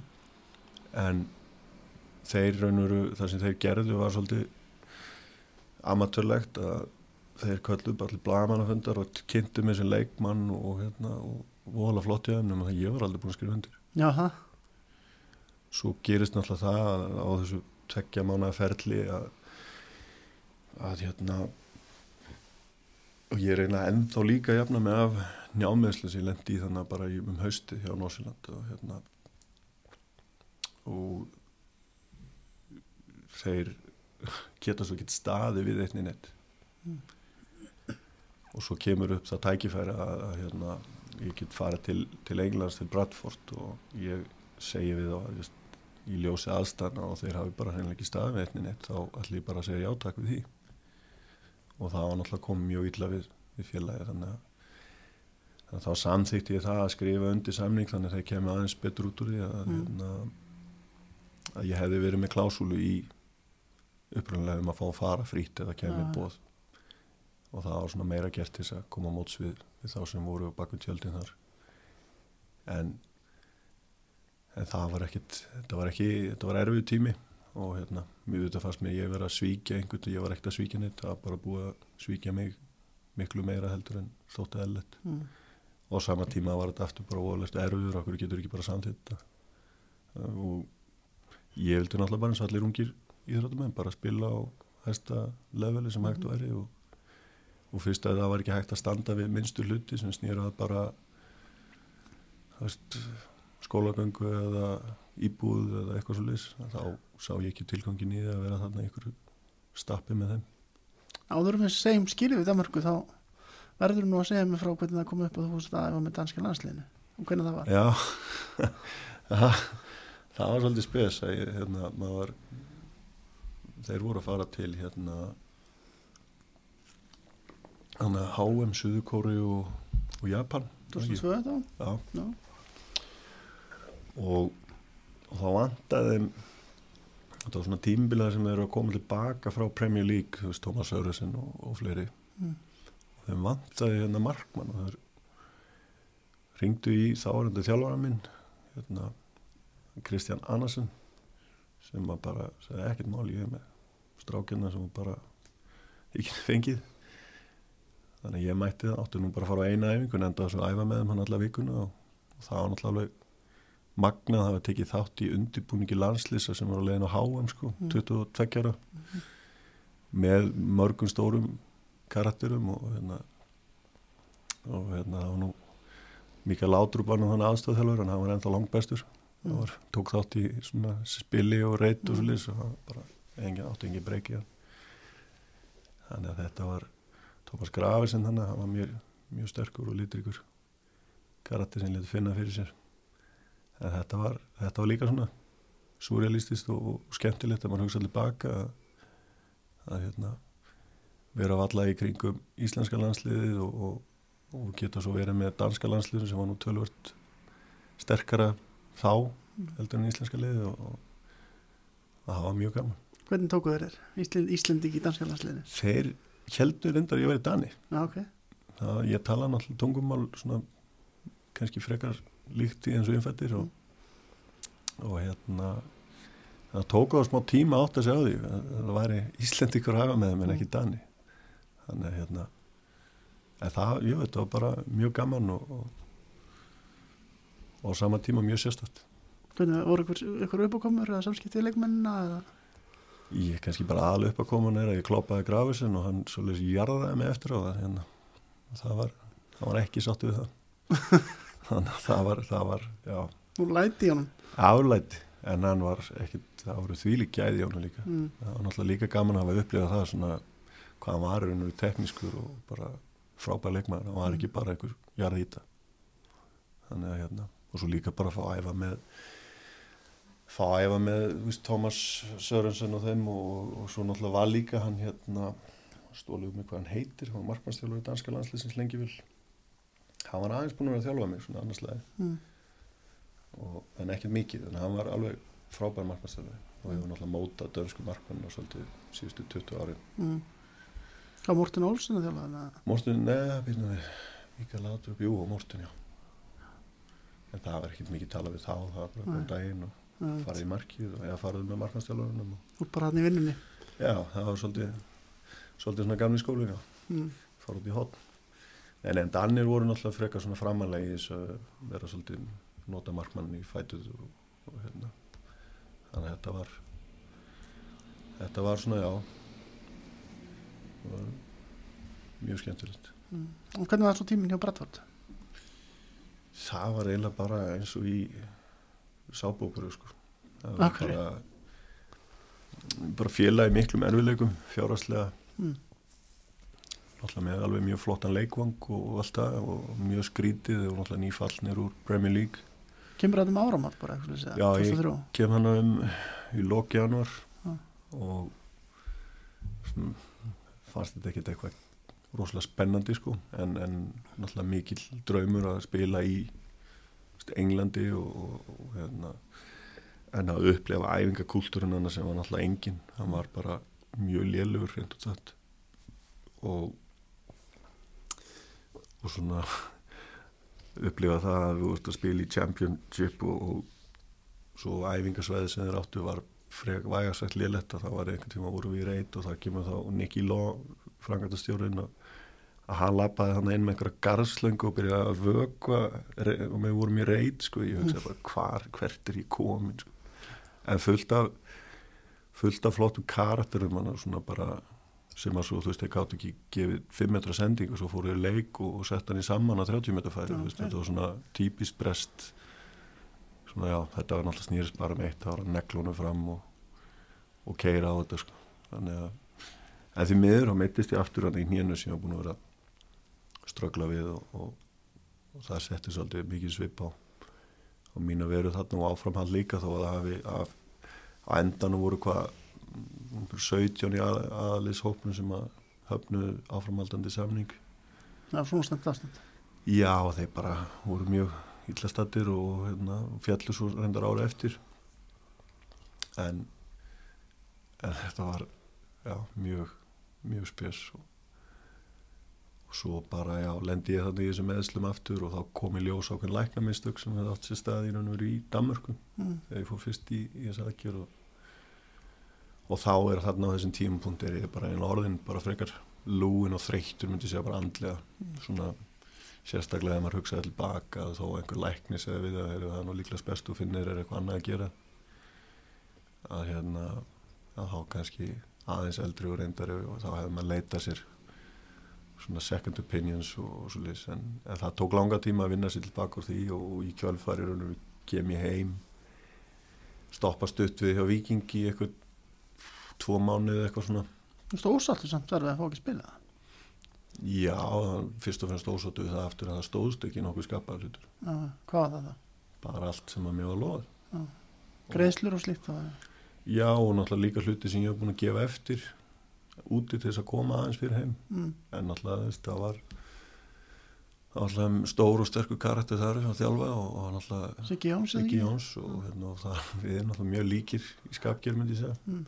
Siggi frábær þjálfari og, og, og hérna og þegar ég kem heim þá segi ég skýrt veist, ég get ekki æft nema max veist, einu sem tvis á fótbolltavíku ég á bara Mm. erfitt með lappa upp og niður tröppur sko. Mm. og svo kemur þetta ljós bara eftir það ég hafði bara veikst og fengið hérna, straftukokkusíkingu í blóðið eða eitthvað þannig að það svona lístið í okkur var svo orkulegs og, og átti erfitt bara með ótrúlustu luti Mm. en, en á móti kemur að, að ég ákvað bara að taka mér bara frí frá fótbolta Já. og svona Og hætti bara vikingi já ég hætti bara í vikingu og flutti til Svíþjóðar þar sem ég fór að vinna í, í fjörskildu fyrirtækinu okkar sem var mamma mín og, og, og hérna, maðurinn hennar voru búin að reyka svona engar ekki meðfanna heimil í rúm, rúm 20 ár Já. þannig ég fór bara að vinna það sem sem hérna meðfærufeldrúi og sem var mjög gefandi og lærdásvíkt og hérna Aftur leiði mér að segja það að villingurinn sem ég talaði með upp á því, hann er hann að hjálpa öðru fólki Já, kannski gætt sett mig inn í, inn í hérna, aðstæður annara og, og hérna svona, já, mætti á meðri leið. Já. Og var það gefandi tími? Mjög, mjög Mm. svo. Þú veist, það var náttúrulega sama tíma erfitt að, að því að áfram hjælt meðslesagan, veist, ég var Já. náttúrulega að reyna að jafna mig og, og ég átti bara heila erfitt með að lappa upp henni tröppur. Það var bara, þannig að það var náttúrulega erfitt fyrir, fyrir íþróttamann að geta ekki bara fara út og hlaupa eða, veist, bara að leiki sér, sko. Og ekki eldri en 23 sko. Já, og líka mann bara eiginlega búin að segja stopp já, en, en svona náttúrulega alveg reynskilega eftir á að higgja þá var þetta líka bara partur af því að bara, það var bara flótið þú veist, bara búin að fá nóandlega bara, bara það var engin það var engin innri dræf eða þrá fyrir því að að vera í þessum heimi lengur sko. Helstu að vera hættur í fólkvölda? já, ég var hættur Varst hættur bara? Já. Já.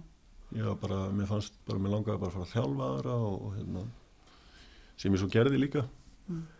um, þá líka lætu sig að sjá það út frá Mm. öðrum, öðrum vinkli í minna, minna hérna svona umhverfi Mm.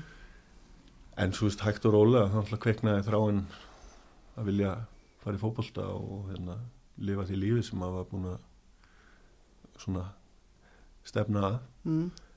og þá ringir aftur Geiri, Geiri Elími eftir að ég hafði ekki hreift mig í tíu mánuði. Það var hann komin til þróttar? Þá var hann í þróttikallin og lendi í vandræði þar sem að fjallar var með brjósklós Já, og vantaði bara nöðsulega eitthvað til þess að stíga inn. Mm. og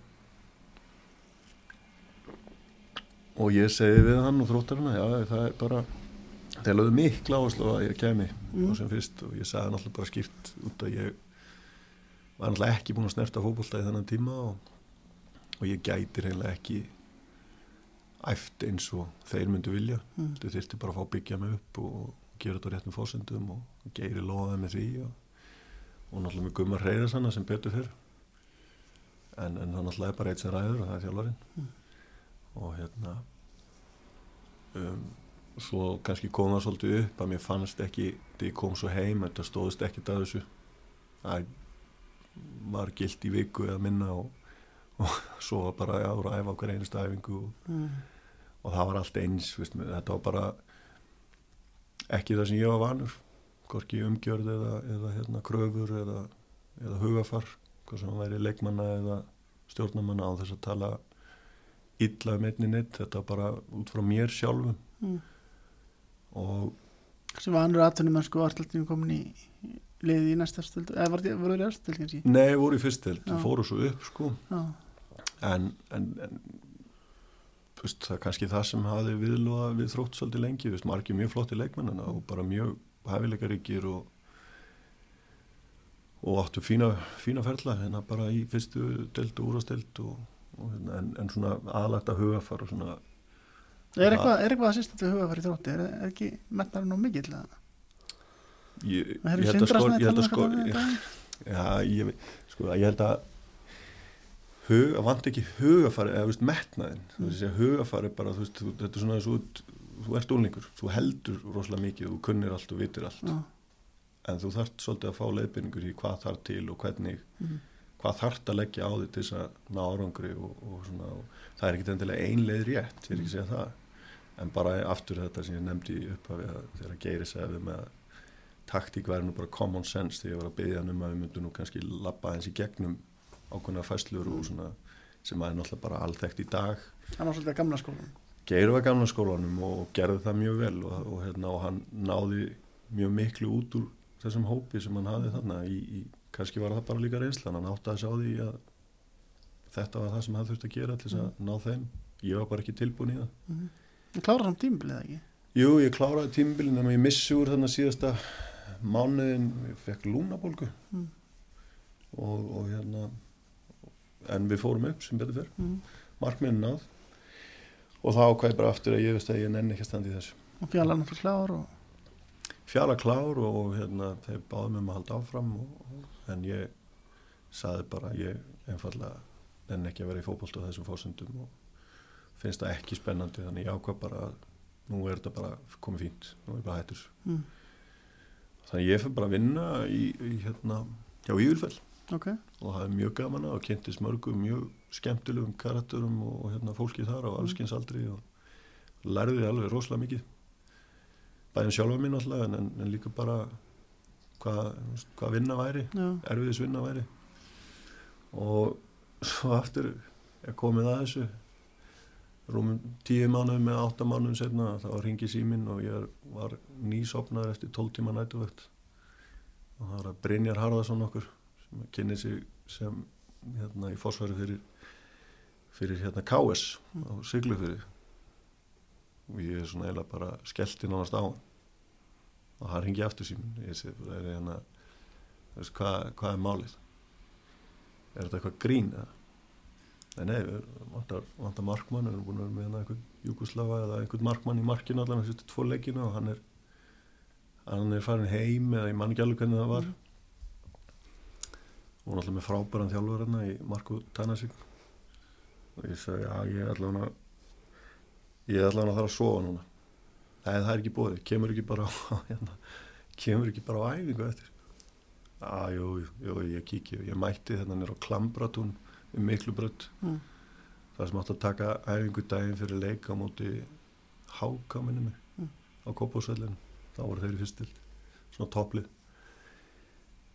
Og ég mætti þannig að ég átti ekki takaskó, ég átti ekki hanska ég átti ekki, var bara, þetta var bara búið. Nema það að við tókum hann að tókum æfingu og, og ég man eftir að Tanna sig kom upp að mér og spurði mig hvort ég var að djóka. Ég sem nefn hvað við, en þú ert ekki heima hér.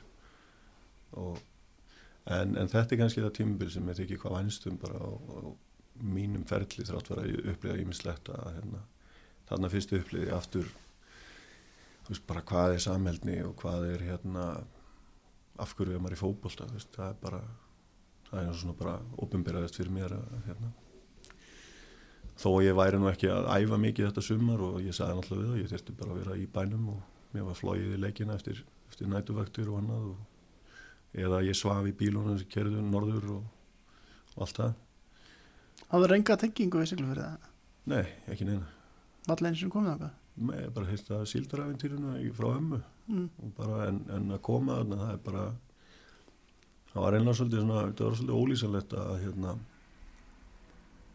að spila hana líka bara veist, flottar leikvang ekki spila í, í þeim skynningi með fjöllin í kringum mig og, og hérna og svona söguna í kringum bæjarfélagið og, öllu þessu fólki sem að kynntist utanvallar Mm. og hérna svo náttúrulega bara gengur þetta þannig sé ágætlega nema það að við náðum ekki að halda okkur uppi Mm. spilum aðeins og marga leiki jafntöfliðum með mar já. og hérna og þá voru bara spilaðar átjánleiki líka í deildinni og en svo og þá voru strax byrjuð félög í Reykjavík og, og svona stærri liðin á Íslandi að hafa samband og, en mér fannst ég bara einhvern veginn ekki tilbúin í að bæði yfirgefa KS Mm. fannst ég þurfa að borga tilbaka en ég vissi líka bara ef ég myndi byrja aftur þá færi þetta bara eins og þetta var búið að gera hjá Bradford Viking, Þótt Mm.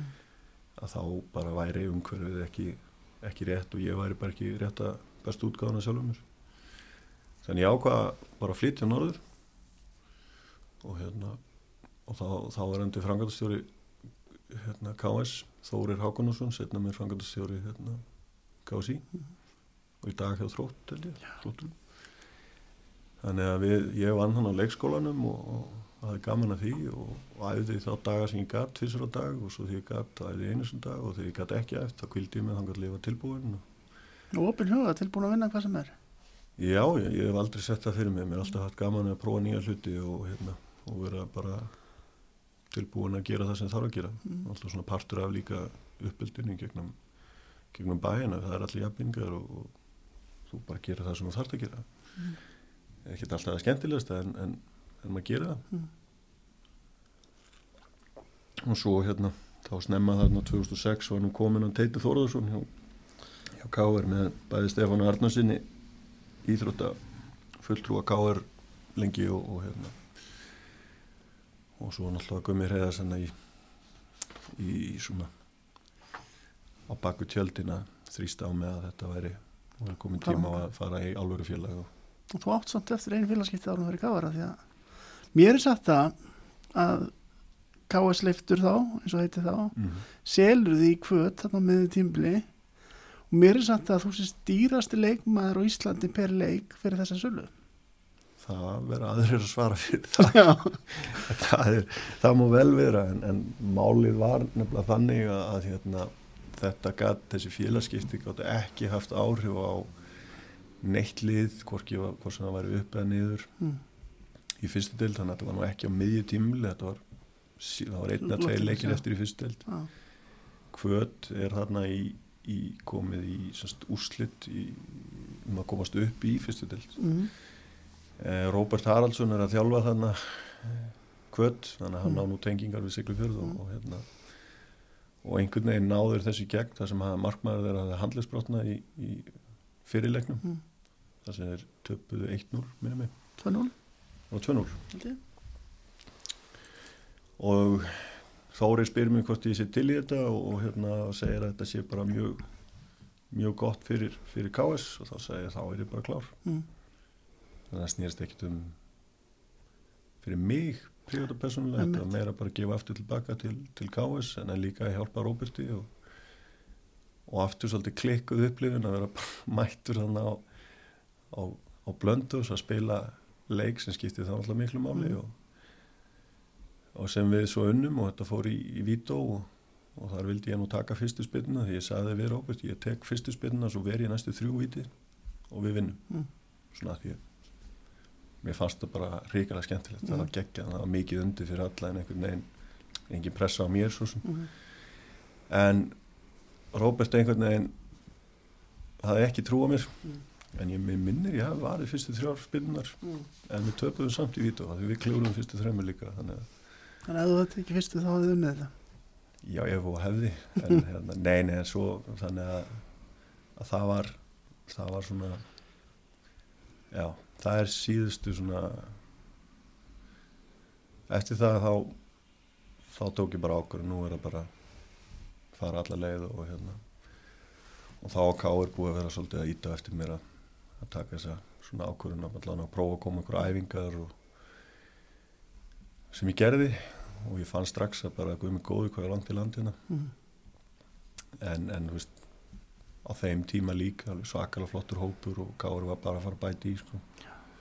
og þetta var náttúrulega árið fyrir fyrir hrun og ég menna það var náttúrulega margir leikmenn sem var bara mikla virðingu fyrir og hafði bara litið upp til sem bara strákur og meðal annars kemur svo Pétur nokkuð Martinsson sem hafði nú verið fyrsti flokkstjóri mín í úlingavinni Mm. hann hafði mikil áhrif á mig þegar ég var ungur og, og jákað áhrif Mm. Og, og þótti mjög spennandi að fá að spila með, með Pétri líka en, en, en, umfram allt bara að fá að æfa á réttum fórsendum í, í, í réttar umhverfunu og svo var náttúrulega líka partur af planinu það að ef ég geti nú slegið Kristján út að þá þá væri ég að gera eitthvað rétt. Samt segir í viðtalið þá semur við gáður að þú sést mættur að það sem þriði markmaður eftir allar Kristjáni. Já, nei, ég minna það voru náttúrulega fórsendunar mm. þú voru bara að vinna þau mm. en einst inni var planið mitt að ég ætlaði bara eitt hlut mm. Það er að slá stjána út Já, næslega, sko, veist, fyrir mér er það byrjum mikla virðingu fyrir Stjána og, og, og þegar ég kem að það var margt sem að mér fannst alltaf heillandi í káur en ég skildi nú ekki alveg af hverju og ég hef nú sagt þetta Stjána líka en ég skildi ekki alveg af hverju Stjáni var ekki bara fyrirlið liðsins mm.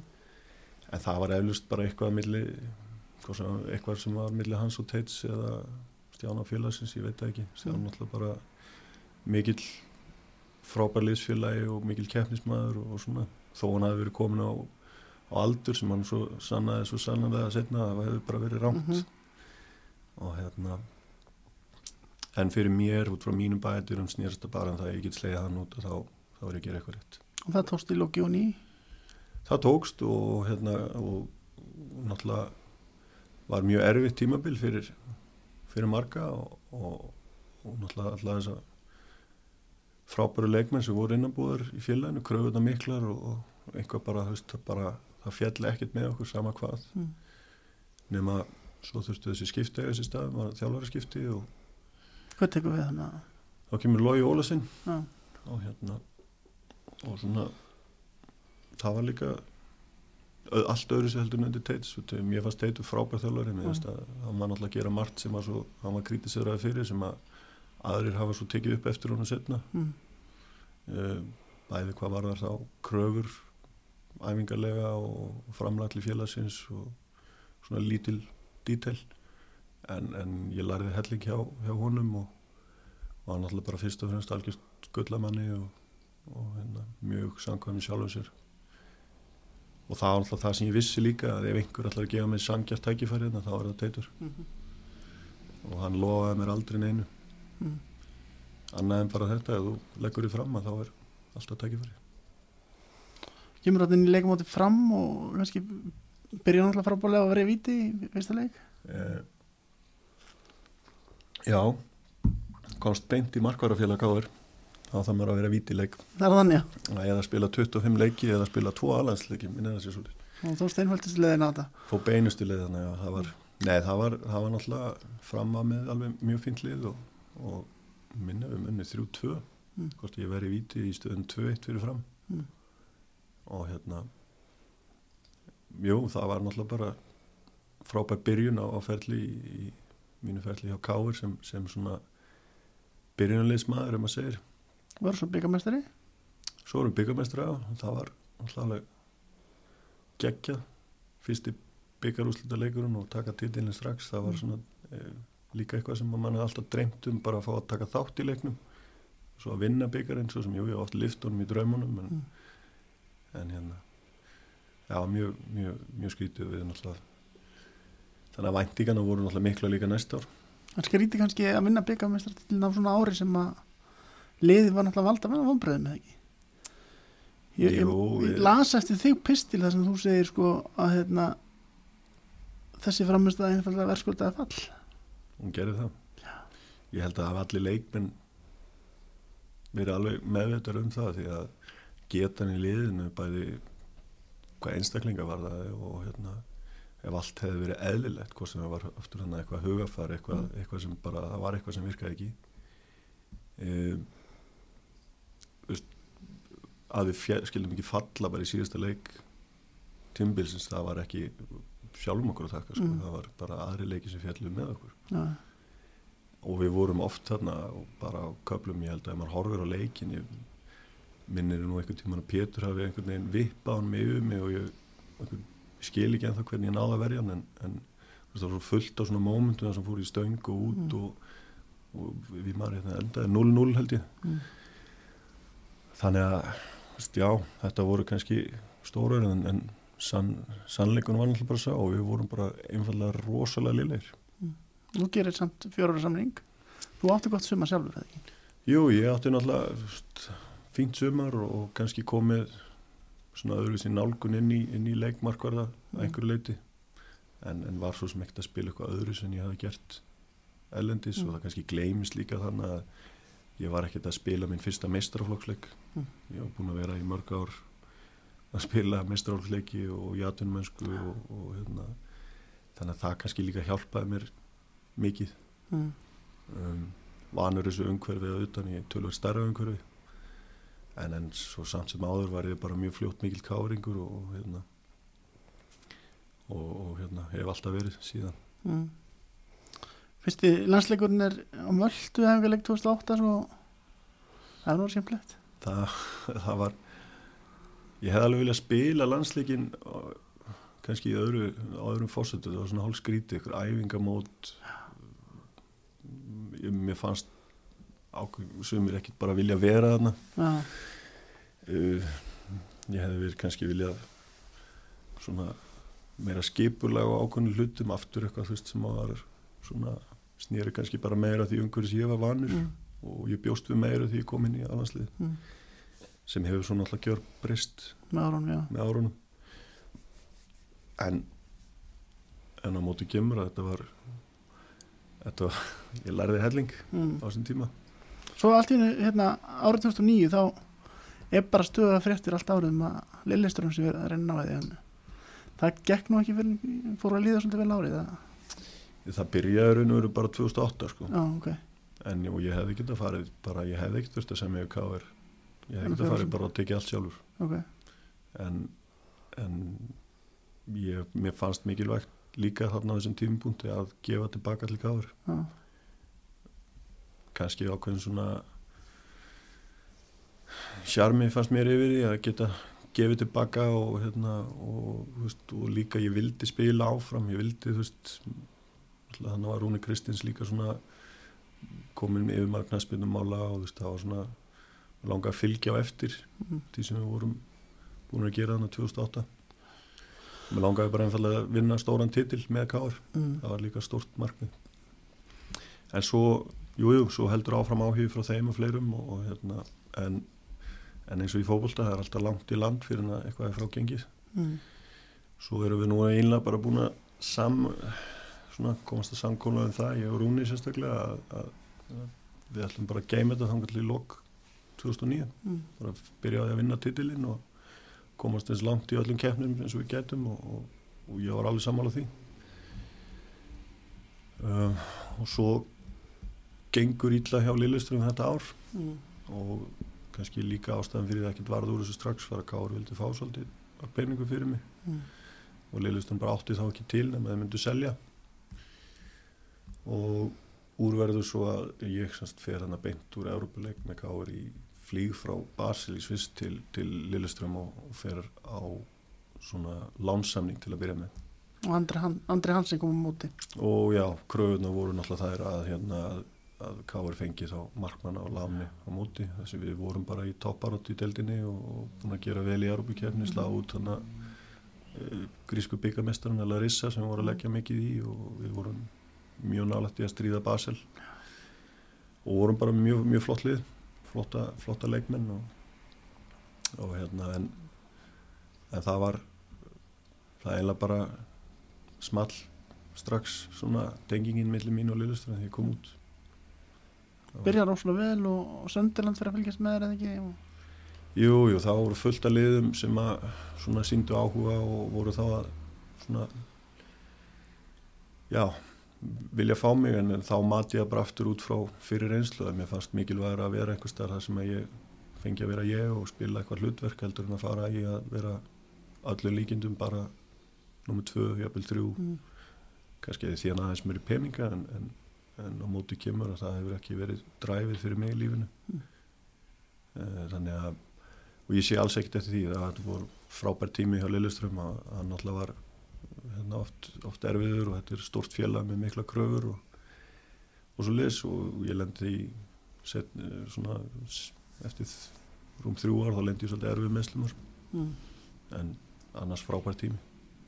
Það var svona tíma þá gengi vel þar að þá það varst nú svolítið ósáttur í fjölmjölum og talaði mikið um að þú ætti nú að skilja að vera í landsliðinu en kallið var bara ekkert að koma þarna Mm, já, auðvitað var ég ósáttu að vera ekki í landsliðin en ég held nú að ég hef ekki talið mikið um það í fjölmiðlum. að mínum að er í besti markmaður Íslands í tegum þá best að hafa skoðun á þess að virka hrókaföllur. Ég held að það sé tekið bara rámt úr norskum fjölmiðlum. Það er þannig, já. Mér minni það sko, ég, þetta snýrist, þetta var ekki til að vannverða hvorki þá markminn sem voru valdir eða skoðu eða ákvörun óla á þeim tíma. Eina sem ég saði var bara, mér finnst ég vera Já, já, já, nógu góð til að spila fyrir Ísland Mm af því að norminni vildu meina að ég ætti að spila fyrir já. og ég segi að það er alltaf aldrei að að gerast. einmitt. Eh, á móti kemur að ég á líklegast meiri sjens að spila sem hafsend í íslenska landsliðinu heldur einmitt. af því Óli vildi meina að hann ætti aldrei hafsenda Mm. þannig að þá var ég klár í það Og þú straunum bara þig fram. já, já, en svo leistu við þetta einhverjum einu og hálfu, tveimur ára setna ég og Óli, þú veist, þetta er náttúrulega þess að ég sagði við hann og þetta var ekkert mál Mm. þegar hún búin að tala um þetta að hann kannski með alla sína reynslu að vita að þetta væri ekki þetta væri ekki alltaf rétt sem er skrifað í, í fjölmjölum Já, og hérna en nei, nei, veistu, auðvitað fannst mér fannst mér ég eiga tilkall til þess að vera í hópnum þegar að hérna, þegar að mm, það gekk eins og það gekk ellendis og og hérna en, þú veist, ekkert ekkert að því að hann hafi tekið þessa ákvörðun, það var bara hans val. En örlegin allar á því svo með, vegna kannski meðsla annar líka að þú ferð tækifærið út í kýpur. Hvað verður það? Mars 2011?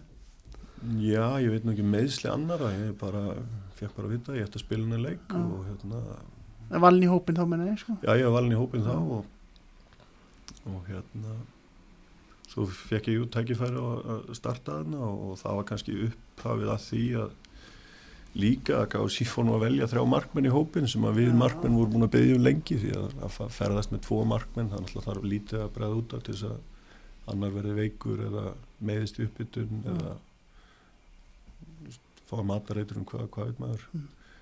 og þannig að það kom eitthvað gott út úr því að að það náttúrulega er mjög mikilvægt fyrir bara liðið að það séu þrý markmenn klárir og allir viti sitt hlutverk og, og hérna. En það var, já, þetta var það var, var sérstök ferð löng ferð, og svo sögulegt náttúrulega líka náttúrulega heldur hreinu og verð viti já, já. Það var það var svona það var svona synd að þetta hefði ekki meira að segja. Mm. annað en það bara þengur stig og heldur hreina en en hérna en svona upp að því sem að maður, maður svona, mér leiði alltaf vel því að spilaði fyrir, fyrir, fyrir landsliðið og, og hefði náttúrulega verið algjör draumur að fá að taka þátt í þessu sem svo setna varð sem Mhm. maður svona sá svolítið fyrir sig því að það voru þarna mjög margir ungir og, og efnilegi leikmenn sem að ég held ég hafa nú líka sagt einhvern tímann viðtala ég hef ekki miklar áhyggjur af framtíðin ef, að, ef það er haldið rétt á spöðunum þessi fyrstir landsleikurinn er nefnilega svolítið sögulega leikur af því að þetta er leikurinn þar sem er allir þessir ungum mennir valdir Já, úr 21. landsliðinu sem að skipuðu svo þetta guld alltaf lið okkar já, ég pældi ekki því Nei. Það voru þarna er henni bara upphafið gullöldinni Já. sko. Já, ég man nú þessi frægu kýpuferð sem hún nefndi, nei hérna mölduferð, þá var nú í herbyggjum með Aroni einari, að hafa með þá líka já. já, minni það Mm. það maður rétt, já Mm. Síðasti kem, landsleikurinn að kemnisleikurinn með landsliðinu er út í Portugal 2011 þannig er gaman að spila hann leik þó að hann hafi 5-3 fór hann. Já, það var svolítið sérstakur leikur nefnilega, það var það var hérna við einhvern veginn bara gáum svolítið leikin upp í hendunur á þeim en, en komum samt svolítið svona stert tilbaka. Mm. og þetta er náttúrulega kveðjuleikurinn hjá, hjá Óla og Pétri og, og þjálfarateiminu sem var þá. Og hérna en það voru það var já, mjög spesi upplifun að mæta þessum leikmunum sem að við gáttum alveg unnir bara, Mm. þeir refsa okkur fyrir einstaklings mistökin Mm. Óli hættir og Lars Lagabökk tekur við, þú farðir inni bara hvað, eitt leik á Lagabökk Æfingarleikur í februar 2012 Já, sko, ég meiðist, ég meittur þannig að meiðist 2011 Já. og ég held áfram að spila en bara fyrir, fyrir Lilleström gegn svona ráleggingum lækna og Já. verið að því við vorum bara hreinlega komnir í mikið vesen. Og að selja frá okkur mikið að leikmönnum og ekkert bæta við okkur og með mjög ungt lið. Þannig að það snýrist alltaf bara um það ætla, ætla við að falla eða ekki. Þannig að ég svona þó að það var aldrei sagt út á við þá var ég bara á annari löppinni. Um, svo fyrir aftur í aðgerðana sem að sem að svona eftir á kemur í ljós að var mjög illa framkvæmt Já, og mér fannst ég aldrei veist, ég gat aldrei gert neitt að viti en ég, ég hérna, ákvað samt að að gefa kostum mér í þennan landsleik. Og þá er ég búin að fara á fimm fimm held ég fótballstæðingar hann á einhverju hálf ári og við spilum hann á móti ekki svartfjallalandi á algjörum moldarvelli. Mm. Leikur sem ég átti aldrei að spila. Persónulega fannst mér að komast mjög vel frá hann með hvernig mér leið. Mm. en bara langaði óbáslega mikið að taka þátt í þessu verkefni að, eins og öllum leikmunum og hérna og það var engin pressa frá Lassa ég spilaði neitt svo leiðis að bara bara þú veist íþróttamaður ná ekki alltaf að taka þessu ákvörðunum Mhm. hvort hann sé klárið ekki. Um, svo var ég nú reynda valin hann í leikina mútið Sví, mútið Gautaborg en, en þá, það, þá var ég búin að spila hann fyrir Lilleström einhverja, fór í einhverja sprautur og spilaði svo einhverja þrjá leiki á sjö dögum Mm.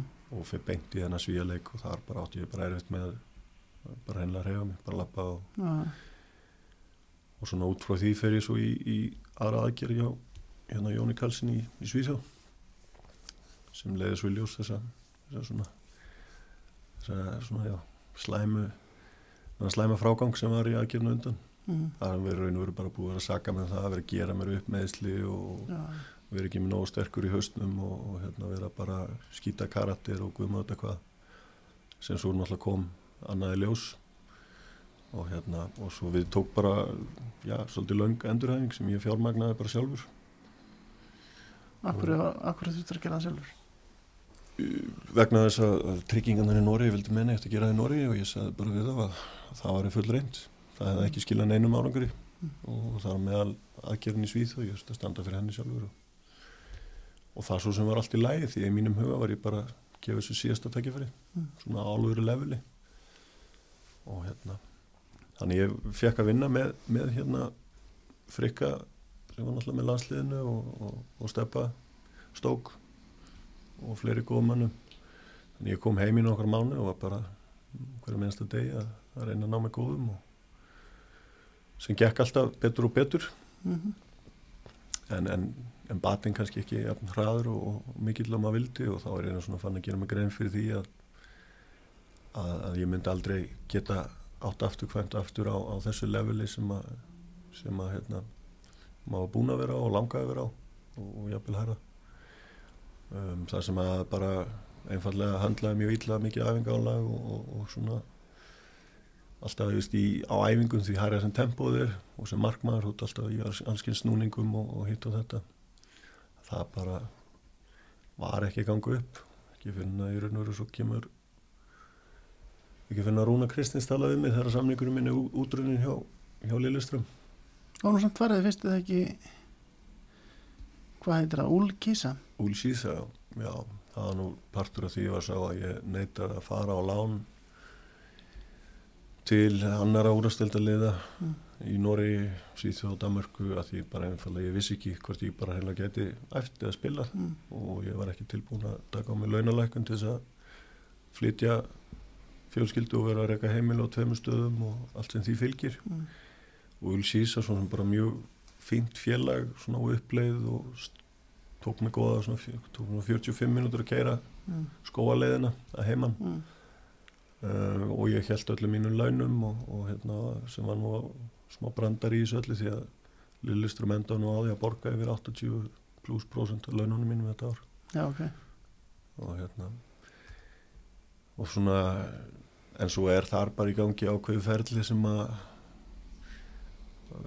já ég átti aftur erfitt með að setja með umhverju sem var ekki vant kröfum og, og hérna með þjálfara sem vildi spila svolítið svona tiki-taka fókbólta en það voru ekki alveg innistæða fyrir því hjá liðinu Mm. þannig að þegar maður var búin að spila honum út og tegnum í fjórðarskiptið og, og við komumst aldrei neitt áfram að þá þá alltaf endaði bara með stórsókn hjá hinnu liðinu og, Mm. og svona hitt og þetta sem var alveg mjög flott sem hann langa að gera það var ekki alveg innistæða fyrir því Mhm. Þannig að hérna en svo bara kláraði þetta tímubil bara sitt svolítið bíti, bítið að súra og bara sitt þetta að mér og hérna og, og hérna klára bara allt með fulli reist ég get alveg hórst tilbaka og verið stoltur af því hvernig ég stóða hlutunum Mhm. og svo hefur náttúrulega Káar búið að vera svolítið að hafa samband því að hérna, þeir voru nú kannski ekki alveg tilbúinur að leifa Hannesi að, og Rúnar að fara nema vera komin með eitthvað í staðin Mm. Og Rúni var einfallega ásand gummar heiðast alltaf voru tilbúinur í að, að leifa mér að gera þetta á mínu fórsendum og, og hérna.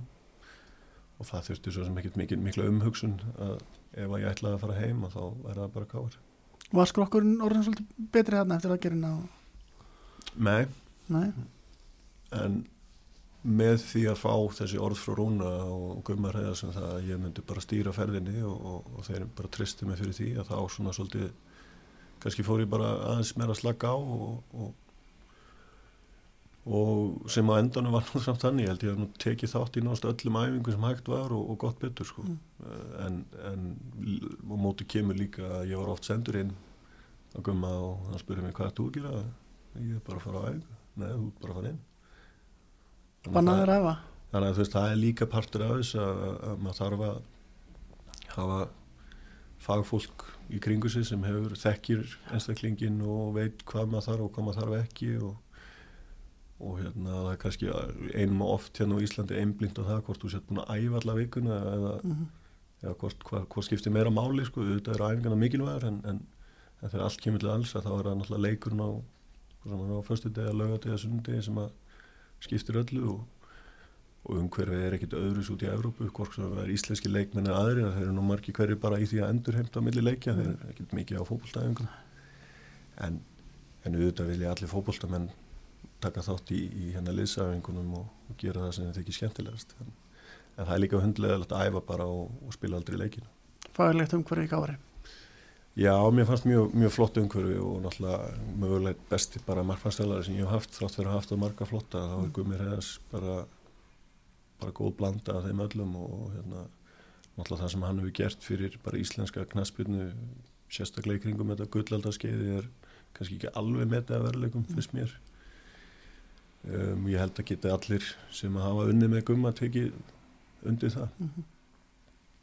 Uh, Þau verðum byggamestari 2014 árið sem kemur aftur. Já.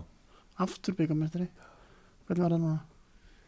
það var einlega bara stærra í, í þetta skeiði Akkur bara þróskari og kunni meira að meta það og hérna svona líka eftir að gengi í gegnum margt úti og, og svona mm. og líka bara að vinna með káir aftur, það fannst mér það var ótrúlega stort Mm. Og átt svo í rauninni eh, skautum aðeins fram í tímana 2016 það áttu rosa gott tímbil og heldur nýjum sem reynu er, Ertu þá orðin góður eða?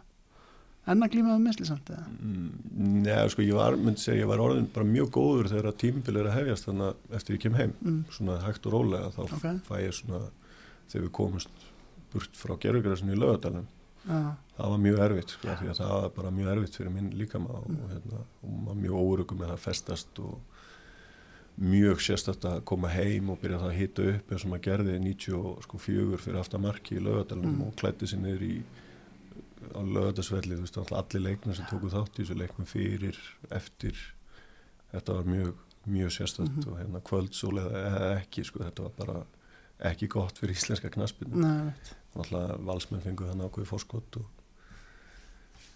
og svona en þú veist ég hérna mér var að fara að líða mjög vel Mm. og náttúrulega bara mjög góði leikminn hana með okkur í kringum okkur og, og faglegt faglega unnið öllu Mm. Ánað með tímbilið Já, nema það, við skildum ekki vinna Íslandsmyndstartitilin, það er náttúrulega alltaf markmið. Mm. Svo er það 2017 sem er eiginlega síðasta árið í K.R. þá þá meðistu bara til fimmleiki og Nei, ég meitist nú reynda bara eftir bara fyrsta leik á móti Viking treinaði þetta bara áfram? Já, bara aftur spilaði þegar flesti fari ekki fram á rúminu og, og svo heldur við bara þáðu við um það en það er ekki til þess að vera auðlýsa og myndur en svona og svo var ekki meðsli voru þetta? bara aftur nýða mér bara, vanlega bara því miður bara fór ja, festist og, og þurfti að fara í liðþóðagerð og og svo kannski það sem var erfiðast þar að í þessum leikjum sem spilaði mittur þá lendi ég í samstöðu við Skagamann þar sem mittust það aukslinni líka og, og, og þá fekk ég nú reynda dæmt á mig víti minni mig mm. Og hérna og guldspjálta sem að ég óskilanlegt, ég kildi boltan í engast og hann hljópa á mig og, Já, og hérna en, en allt í lagi það, en það, var, það voru kannski svo, svolítið svo fylgdi það mér alveg góð tvö ár ég bara reynilega svaf allar út af verkjum Þannig að- þetta var svona slemt en við nýttum tækifærið ég fór í þess að nýja að gera að gera við það í leiðinni. Ok, svo kom ég tilbaka og með góri aðstóð Valla sjúkurhálfari á Káir að, að hérna við það er náttúrulega snýrist bara með eitt að Káir þurfti að komast áfram í, í hérna Európa-kefninu Mm. og, og það hafðist en en aftur kom allt og snemma tilbaka og, og, og kannski fekk ekki alveg þann skilning sem mér fannst hefði þur, þurfa mm. í, í þessu ferli því að því ég bara reynlega samkvæmt læknisræði átti ég bara í mesta lagi að spila leikina því að það er miklu meira álaga að æfa, sérstaklega sem markmaður en, en hérna en svona þú veist endalókin hefði máttu vera vera svolítið svona skemmtilegri Það skildi samt sáttu við félagið eða ekki eða? Jú, jú, ég bara tók náttúrulega þessar ákvörðu svolítið sjálfur bara um vorið mm. að mér fannst ég vera komin svolítið á endastöðu í, í því sem ég geti gert fyrir félagið og hérna og með allt sem félagið á búið að gera fyrir mig að þá var bara líka mikilvægt að vita hvernig maður á að stíga til liðar og, og hérna ég gæti svo sem ekkert séð fyrir hvernig tímabilið myndi spilast eða neitt svona. Og þegar Rúni svo kemur aftur heim að þá hún bara báðið sammála um það þetta væri bara komið, komið fínt. Og ég var náttúrulega byrjar í á, á sportvurum og, og fann að einbyrta mig kannski meira að, að, þeim hlutum. Mm. þannig að hérna en jú, jú, skil bara mjög sáttu við káir og það var líka bara mjög erfitt að, að skilja við félagi svona, en mér fannst, fannst að það komur ávart mér fannst ég bara að vera að kveðja börni mín líka við þannig að Mm. gleymis kannski maður orðin svolítið eldri heldur maður ekki að halda maður sé Mm. og hérna um, þess vegna var líka eiginlega engin, ekkit option fyrir mig fannst mér að fara þá úr káur í annar liði úrústild, mér langaði líka meira bara svolítið að fara svolítið svona þjálfara veginn og, og hérna þannig að ég eiginlega bara hikaði ekkert þegar ég hef búin að tala svolítið við Gunnar Borþós og Selfoss það fannst mér mjög, mjög spennandi verkefni og það er enn það bara stundum fara hlutin ekki alveg eins og alltaf er og oft, oft auðvelt að vera vitur eftir á Mm. Hvað mennur það? bara með ákveði leikmannaval og, og þarna kemur eftir að veist, það er, það er ekki nóg að vilja þú þarfst að hafa alla með þér í lið og þá sérstaklega leikmennina, hvað hugafall þeir hafa hvað nálgun þeir hafa á verkefninu og, og það var bara alls ekki nógu gott. Og mér fannst alls ekki vera rétt laust þegar Gunni valdi að stíga til hliðar og svolítið fórna sjálfum sér því að því að við erum alveg samfærið um það við hefðum ekkert fallið burt sér hvort Dino tók við þessu eða ykkur annar Mm. sko, þetta var bara, mér fannst bara að hann vera rétt í maðurinn hann og Jói að, að stýra þessu áfram og svo bara byrja svolítið upp á nýtt reynslinni ríkari árið eftir Það var rosa mikið dramatík hérna í kringum þetta Gunni hættir og Nei, ég myndi bara segja að Gunni að sínta ákveð aðrileysi og bara fórna sjálfum sér Já, sem var ekki, veist, það er ekki allir sem myndi gera það. Nei, og hérna enda held ég að við höfum ekki náði nema einhver fjögusti og 26 mögulegum eftir að hann stegi til liður já. Sum myndu vel reynda að meina bara að því að verið með bestmannaði liði í deildinni og ég það er ekki alltaf nóg að með besta liði þú voru með besta hérna hópin mm. það er nú svolítið það veist, það gefur bara auðvitað leið að ákveðnir leikmenn, kannski þar á meðal ég brúðust félaginu Mm. en, en svona í ljósi þess sem gerist með, með bæði að leikmaður lappar út af hjá okkur í miðjum leik um, Hvernig var það, getur þú rifið það að tökur upp með þér? ég það er náttúrulega bara svolítið svona sjálfsæst moment hjá þessum leikmanni að velja það að lappa út af í miðjum leika því að leikmenn vildu eins og gerist, það kom upp reyfurildi og allt annað og hérna það var enginn svo sem að henda honum myndur útuna og hún bara fannst það eitthvað ósangjart og hann ákveðu bara að lappa út af Það var á hvað ásöldum eða hvað? ásvöldum móti haugum þar sem við hefum já þeir skora okkur hvað, ég man ekki fjögumörk á 15 mínútum eða. Já. það var náttúrulega, ég held að Það var erlendur leikmaður eða ekki? þetta var ellendur leikmaður og ellendur eða íslenskur eða hver sem gerir Mm. svona, það er bara, það er ekki búið og hérna Lýsti þetta kannski hugafarinu liðinu? En var þetta bara einstaklingur? Nei, það kannski smitaði svolítið út frá sér. Já. Uh, ekki það að menn hafi meðvitað ekki vilja standa sig að leggja sig fram, það er ekki Mm. það, en það þarf bara, það þarf ákveðin karakter til að fylgja fyrirmælum og trúa á verkefni. Og hérna, fyrir mitt leiti með allt sem ég hef upplifað, þá fannst mér nálgun á þjálfun og, og leikreiningu og, og fleira mjög faglegt og flott og ég get alveg sagt að hér eins og ég sagt að við gunna að ég held að hans sem þjálfari og, og einstaklega myndi njóta sín virkilega vel í, í, í stærra umhverfi, hvað sem Mm. það væri KR eða FH eða Valur eða Mm. það sem að bara það sem þú getur gert svolítið meiri kröfur á einstaklingin, þú getur gert meiri kröfur á umhverfið, ekki það að það er mjög flott umhverf á Selfossi og vera að gera marga hluti mjög vel og, og hérna en svona ef ég horfa á hann bara sem þjálfara og svona sem karakter að þá fannst mér hann eiga meira skilið og, og á enn og ég er alveg samfærum um að hann muni á einhverjum tímbúndi vondi fótt tækifæri á, á stærra sviði Þú varst sjálfur í ykkur markmannstjálfun eða ekki? Jú, svo var maður að reyna það að, hérna, og er enn að reyna að búa til svona ákveðin kultúr í kringum það Á Selfossin það? á Selfossi Já. Ég er svona lagði aðeins til hliður, ég ákvað að taka fram hanskana síðustlega sumar Mhm. sem var nú ekki, ekki planið en, en, en það, það þá bara líka til þess að það bitni ekki á þeim sem að vera að þjálfa þá vildi ég frekka bara stíga til hliðar og, og líka fyrir, ég lofaði var í raun og búin að lofa því í vinnunni að ég væri þetta væri partur af mér sem væri bara búinn Samt varst í viðtali sko síðasta vor þá saðist ekki vera við sem að vera hættur Nei, ég hef svo sem aldrei gefið út þess að ég er hættur og ég hef ekkert gefið það út enn nema Mm. svona annað en þessi ár sem ég var staður á nýja að vera hættur.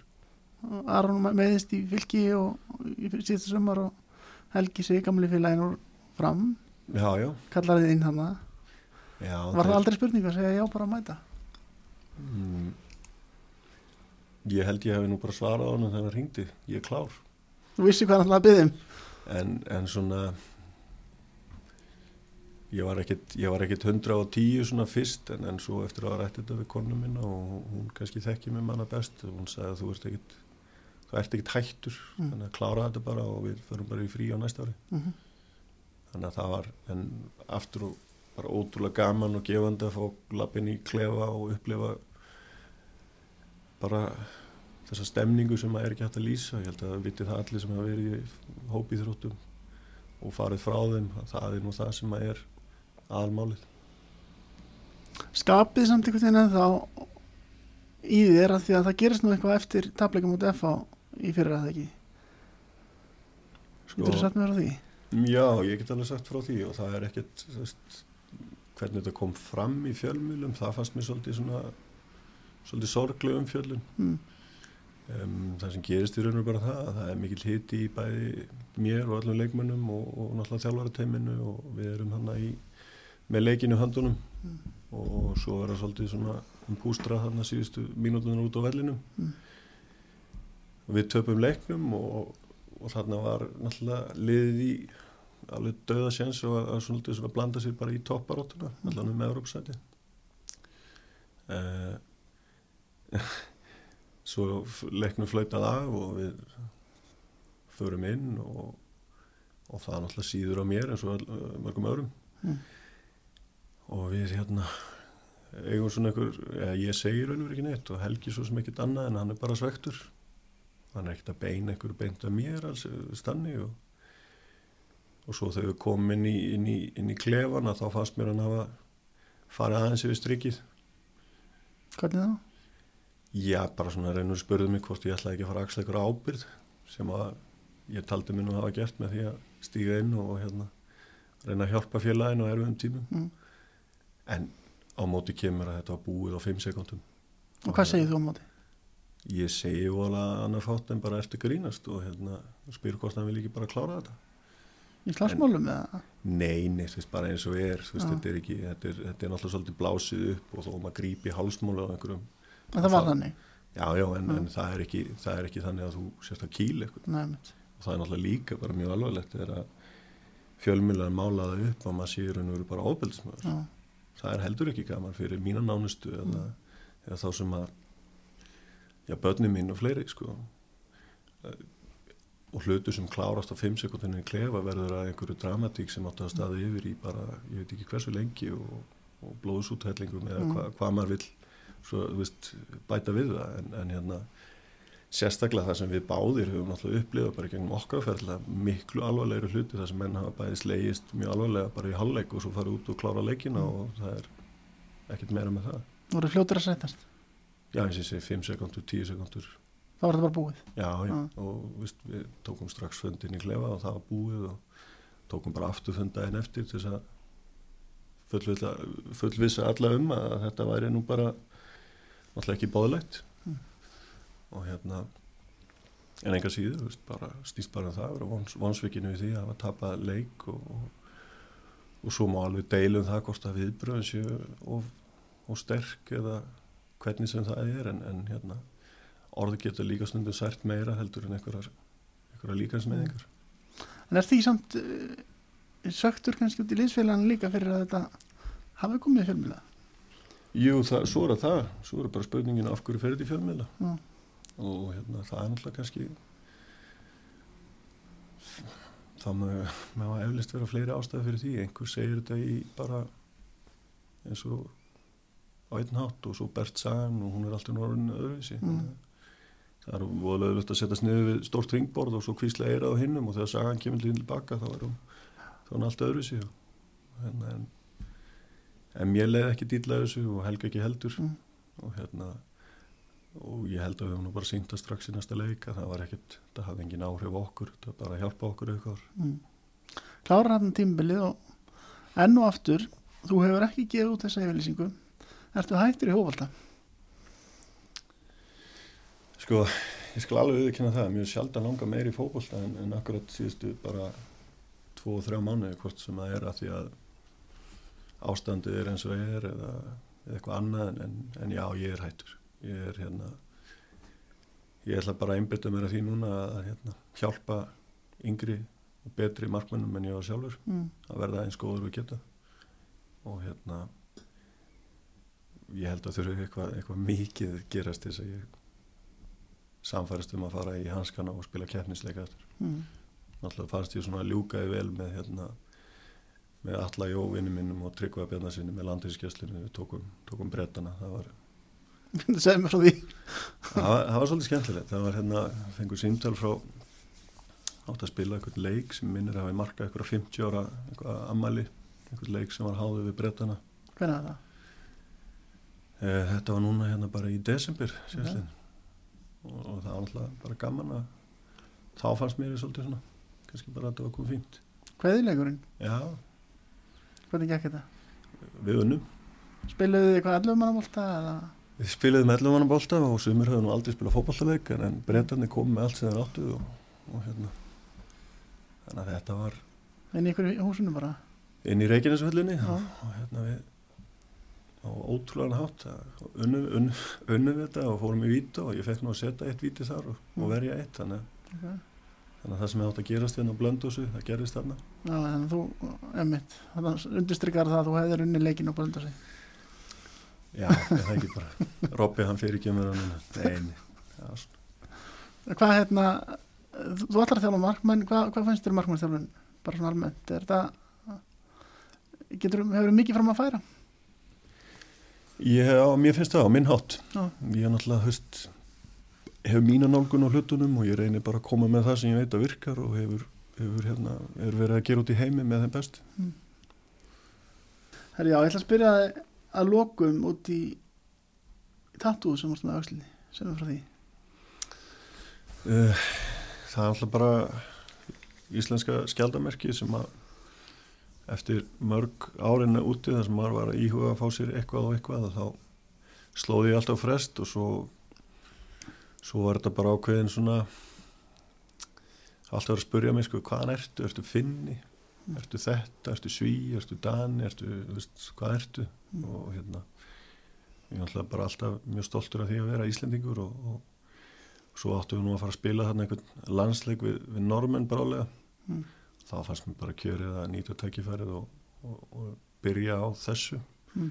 sem verður svo bara byggt utan á með árunum og ég hef kannski átt að setja á baki eins og aðran en, en, hérna, en fyrir mér snýrast þetta bara aðalum það að, að hérna, veist, þetta er eitthvað sem að breytist aldrei hjá mér. Þú laði línna fyrir aðra kannski?